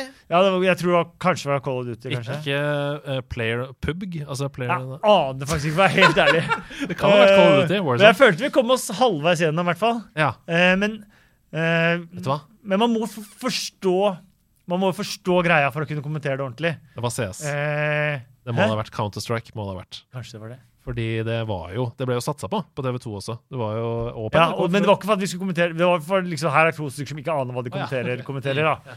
Så ja, men eh, hvis man skjønner litt sånn greie Jeg kommenterte jo Fifa med Randulle Mm. eh, under korona. Det var jo kjempegøy. Mm. Men det var fotballrelatert, da. Ja. Men da spilte jo disse Premier League-stjernene motsatt jo i sine egne stuer og spilte mot hverandre. Ja. Så det var litt artig. Det som er gøy med Counter-Strike, det er jo at det er så intuitivt. Man forstår det veldig fort. Det er seks på, eller fem på hvert lag. Det var er. Counter-Strike. Ja. Mm. Fem på hvert lag, og de skal enten skyte hverandre eller ta et punkt. Ja. Ferdig. Litt sånn cap to the flag. Ja, og det er jo lett å forstå. Hva skulle du kommentert hvis det hadde vært e-sport? Uh, jeg skulle uh, kommentert uh, Mike hm? Overwatch, eller? Overwatch skulle jeg kommentert. det. Ja. Der har du forståelse for strategier og Jeg har det. altså, fordi det, det jeg tenker med liksom, det jeg skulle kommentere noe, noe av det viktigste er jo at du skjønner når noen gjør noe veldig bra. Ja. Um, og altså, jeg føler jo at din superkraft, eh, Kasper, som gjør deg til en av de absolutt beste kommentatorene i, fotball, er entusiasme. At du, altså Når uh, det, det skjer noe bra på banen, eller noen scorer et vakkert mål, så uh, bringer du det inn, og, og liksom man hører på stemmen at du syns det er eh, fantastisk. Og hvis du da ser noen gjøre noe i f.eks. Counter-Strike eller Fortnite, eller noe sånt, så kan ikke du nødvendigvis vite at Å ja, dette Nei, var jo kjempe... Dette var godt gjort! Ja. Du, Du kan se at Nei. noe skjer, men du kan ikke vite om dette var uh, verdig en Ja! Wayne Rooney! Altså, det, det, er ikke, det er ikke det samme når ja. mm. Det er sant. Det er et veldig, veldig godt poeng. The Stig han spør deg, eh, Kasper, hva er det største talentet som du har oppdaget på CMFM, som også ble god i virkeligheten? Ja, det er faktisk ganske mange. Og, og, og ikke så mye nå, men i gamle dager så var det jo litt det. Ja. Og jeg tror Zlatan okay. eh, oppdaga jeg Wow. før på CM enn i virkeligheten. Wow! Det er fett! Eh, ja, det er litt kult. Og det var to Zlataner i det CM-et. Det var, First Price Zlatan. Ja, det var eh, Zlatan Ibrahimovic, og så var det Zlatan Muslimovic. Oh, ja. Og Zlatan Muslimovic ble også en OK spiller, men ikke i nærheten. Men på CM så var det Muslimovic som ble best av de to. Jeg må da- dessverre si at det høres ut som sånn uh, Hva heter det andre fotballspill som ikke er Fifa? Altså det um, Ja, Som ikke kan bruke ekte navn. Ja. Ja, ja, så, ja. ja, Det høres ut som de har funnet på Ja. Nei da, han var en brukbar fotballspiller, han òg. de var juniorer i hvert sitt lag, tror jeg. Men da var Zlatan Ibrahimovic 17 år i Malmö eller noe sånt. Nå. Mm. Uh, og han ble veldig god, men han ble ikke så god som han ble i virkeligheten. Nei. Men Muslimovic ble veldig god. Også eh, en eh, 16-17 år gammel Fernando Torres Oi! husker jeg også at jeg oppdaga i Atletico før jeg visste hvem det var. Mm. Så det har vært noen av de, altså. Ah, gøy. Pro Evolution Soccer minner eh, Ja, chatten ja, ja. på her på Twitch. Eh, Nikita hun spør hvis Norwich hadde vært et dataspill, hvilket spill hadde Norwich vært? Er det et vanskelig spørsmål? Eh, nei, men det hadde jo vært et spill som eh, til tider er sånn eh, morsomt å spille uten altfor mye mening. Ja. Eh, men som Ryne eh, litt og sånn? skuffer mer enn det Men samtidig så blir ikke de store skuffelsene fordi at forventningene er ikke så store heller. Jeg har det. Goat Simulator. Der har du det. Mm. Goat Simulator. Goat Simulator. Et spill som er morsomt å spille. Du tryner iblant, og så blir du skuffa når du skjønner at det er såpass Ja. Det høres ut som Norwich. ok, siste spørsmål for i dag, eh, som går til oss alle sammen. Jeg syns det er et eh, interessant spørsmål, eh, for, og jeg har tatt det med fordi du er så nerd. Er. Hei sann, jeg vil bli en spillnerd, eh, og jeg vet ikke hva jeg skal gjøre. Noen tips. Kjøtt og går. Hilsen Mats. Det er på en måte vår catchphrase eh, fra Overcooked, dette spillet. Jeg vil bli en spillnerd, og jeg vet ikke hva jeg skal gjøre. Og da, eh, da du på en måte tenkte sånn Jeg vil dedikere livet mitt til fotball. Hva, hva er det man begynner med? Bare begynne å grave seg ned, eller hva er det du hvis man skal bli en spillnerd, så må man jo egentlig kanskje begynne i andre enden. At man har jo helt sikkert en stor interesse for et eller annet. Ja. Eh, og så gå inn i spillverden for å dyrke den interessen, kanskje? Ikke sant, ja. Ja, at det er sånn hvis du er veldig glad i traktor, så kan du begynne Ja. med farming simulator, da. Og så finne Ja. veien inn på den måten. Mm. Det er lurt. Ja. Det er veldig bra, for det er jo mange ting vi har snakka om i dag som er eh, historiske, f.eks. første verdenskrig, eller motorsport, eller sånne ting. Mm. Ja, det var godt Mye tips. kule bilspill. Ja, Hva tenker du?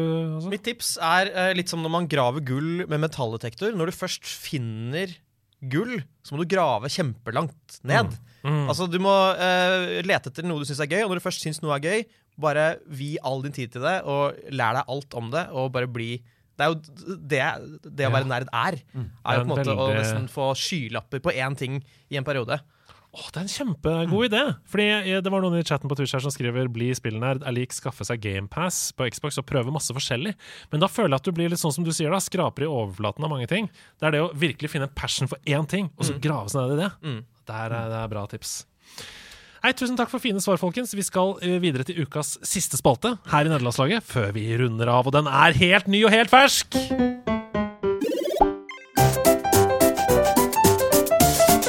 Trouble, trouble!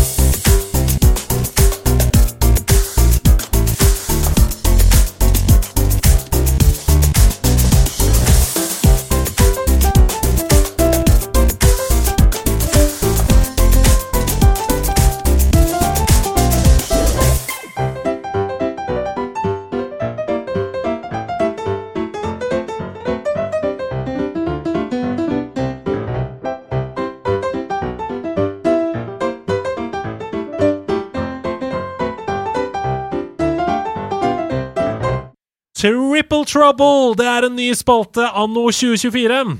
Der hvor dere to, mine to venner, skal jobbe for å komme fram til en topp tre-liste. Altså, Poenget er jo ofte at det er lett å vite hva som er det største eller det meste eller det minste osv. når man snakker om statistikk og f.eks. hvem var toppskårer i den klubben i det året. Men det er vanskelig å vite hvem som var tredjemann på toppskårerlista i klubben det året. Så her er det muligheten til å få seks poeng. Jeg presenterer tre ting for dere. Dere får ett poeng hvis dere klarer førsteplassen, som jo er det letteste. To poeng til hvis dere klarer andreplassen, og tre poeng til hvis dere klarer tredjeplassen på lista i tillegg. Og dagens oppgave tror jeg begge skal ha sånn ish forutsetning for å klare, for den er på en måte linka til virkeligheten. I Fifa-spillene, eller da i EAFC-spillene, som de heter nå, så blir jo alle lag i karrieremodusen de blir tildelt en poengscore fra 0 til 100. Ut ifra hvor bra de er. Og dette er jo basert på hvor sterke de lagene faktisk er, globalt, da, i inneværende sesong. Så det nyeste spillet i IAFC24 ble lansert 29.9.2023. Hva er de tre best rangerte lagene i IAFC24 sin karrieremodus? Og så får dere også kred-poeng hvis dere klarer hvilken score de har fra 0 til 100. For eksempel 86, da. Ja, ikke sant? Eh, Men jeg er ute etter altså de tre beste lagene eh, i karrieremodusen til IAFC. EAFC. To av de tre tror jeg er ganske enkelt. Ja. Det er Manchester City, Real City Madrid. er på første. Og Real Madrid Ja, de er i hvert fall inne på topp tre. de må jo det. Uh, jeg kan ikke se for meg noen andre Premier League-klubber som er på topp tre der. Nei.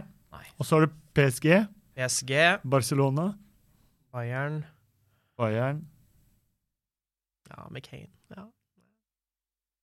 Man, Man kan jo tenke seg tilbake også på på en måte store internasjonale konkurranser. da. Hvem var det som var i CL-finalen, for eksempel? Ja, men Inter er ikke Nei. Inter er ikke topp tre. Det Nei, kan jeg nei, nei, ikke tenke meg i det hele tatt. Topp 500 engang. God dag, kanskje 750. Ja, ja um, Nei, Inter er ikke der. Det kan jeg ikke tenke meg. Nei.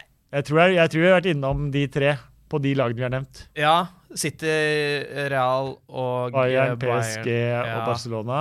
Da, har vi vært, da er vi inne på de topp tre. Ja. Så da er det bare hvem skal ut, og hvilken plassering. ja.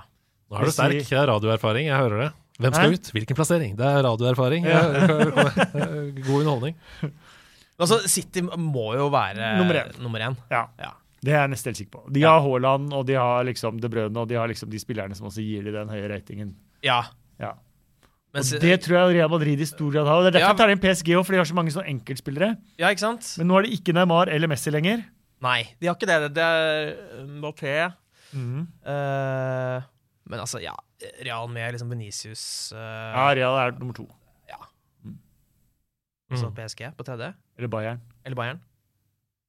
Ja, ja Bayern. Bayern. Ok. Er, tror du ikke det? Jo Så dere velger å låse svaret med da Manchester City på topp, Ja. ehm, Real Madrid på to og Bayern på tre. Mm. Hva, hvilke poengscore vil dere gi de tre, bare for gøy? Og dette er, gjennom, det er da gjennomsnittsscoren Ja. av spillerne på banen? Det er sånn når du, når du står i menyen og skal velge deg et lag, så kommer det et tall liksom, Ja. for det laget. 91, 89, 87? Er det Ja, det var det jeg skulle si. Perfekt. Nei? På, på tredjeplass Nei, Skal vi begynne med førsteplassen? Er det gøyere? Ja, jeg, jeg tror førsteplassen er grei, jeg. Ja, tror jeg. På førsteplass det beste laget, ifølge EAF Sports 24, med 86 av 100. Som andre ord, det er en del å gå på her. Man kan fortsatt finne det perfekte lag, og det er ikke Ja. dette, ifølge IFC. Bayern München. Nei, men slutt, da. Slutt da. 86 på øverste, og dette er jo da etter at Kane kom. Det er skandaløst. Det er skandaløst. Ah. Ja. Det er På andreplass med 85 Manchester City. På tredjeplass med 84 Real Madrid. Så dere har alle tre. Vi har alle tre! Ja, vi hadde det skal vi ha! Dere har alle tre, Ja. men de er Ja. på feil plass. Ja. Er det null poeng? oi, oi, oi, det var litt synd. ja. Jeg syns vår plassering var bedre enn E EAFC sin. Riktigere, den. Ja. Ja. Nei, men Da er det bare å søke jobb. Uh, EA Sports de trenger sikkert noen nye ansatte når de har sparka alle de har gjort i år. Vi er kommet til veis ende. Tusen takk for besøket, Kasper. Ja, veldig hyggelig å få komme. Det var skikkelig skikkelig hyggelig, faktisk. Ja, Kosa du deg? Ja, ordentlig. Hva er det vi kan, hvor kan vi følge deg framover? Er det noe sted vi kan se deg? Hva er det du gjør denne Den helgen er jeg fri. Oh. Det blir deilig. Men neste helg er det FA-cup. Og hvis det kommer en sånn ordentlig anbefaling Jeg vet jo at en del har sett Rexham på Disney pluss. En fantastisk serie. Kjempebra. Eh, man kan si alt om man vil om FC Hollywood og masse penger inn, og sånt, men dette er drømmeeiere å ha. Og nå har de investert, i motsetning til sesong én. I sesong to så har de investert alt av følelser i tillegg. De har sett hvor vondt og jævlig og kjipt fotball er, men også hvor fantastisk fotball er. Eh, og det er jo en sånn det må man, man må komme dit før, før det er ekte, og jeg føler liksom de har begynt å komme dit. Mandag om da, ja, eh, halvannen uke blir det da, så vises Rexham mandag kveld i prime time TV. FA-cup, fjerde runde borte mot Blackburn. Gøy! Okay. det skal. For et innsalg! Du kommenterer? Jeg skal kommentere. Jeg tror blir, jeg tror, vi har hvert Hvis Rexham klarer å gi Blackburn kamp, så kan det bli et sånn, øye, sånn fotballøyeblikk på TV som man kommer til å huske litt. Er, men er det Viaplay, eller er det hvor er Viaplay, det? Ja, Viaplay. Åssen har du det, Hasse? Er det noe du har lyst til å si til slutt? Jeg er en mann som har det bra. Det er bra. Ha en nydelig uke, folkens. Vi snakkes igjen. Streaming av Alan Wake 2 på torsdag og ny episode neste uke. Da er det tre programledere igjen, og vi skal nøle mye mer. Ha det bra!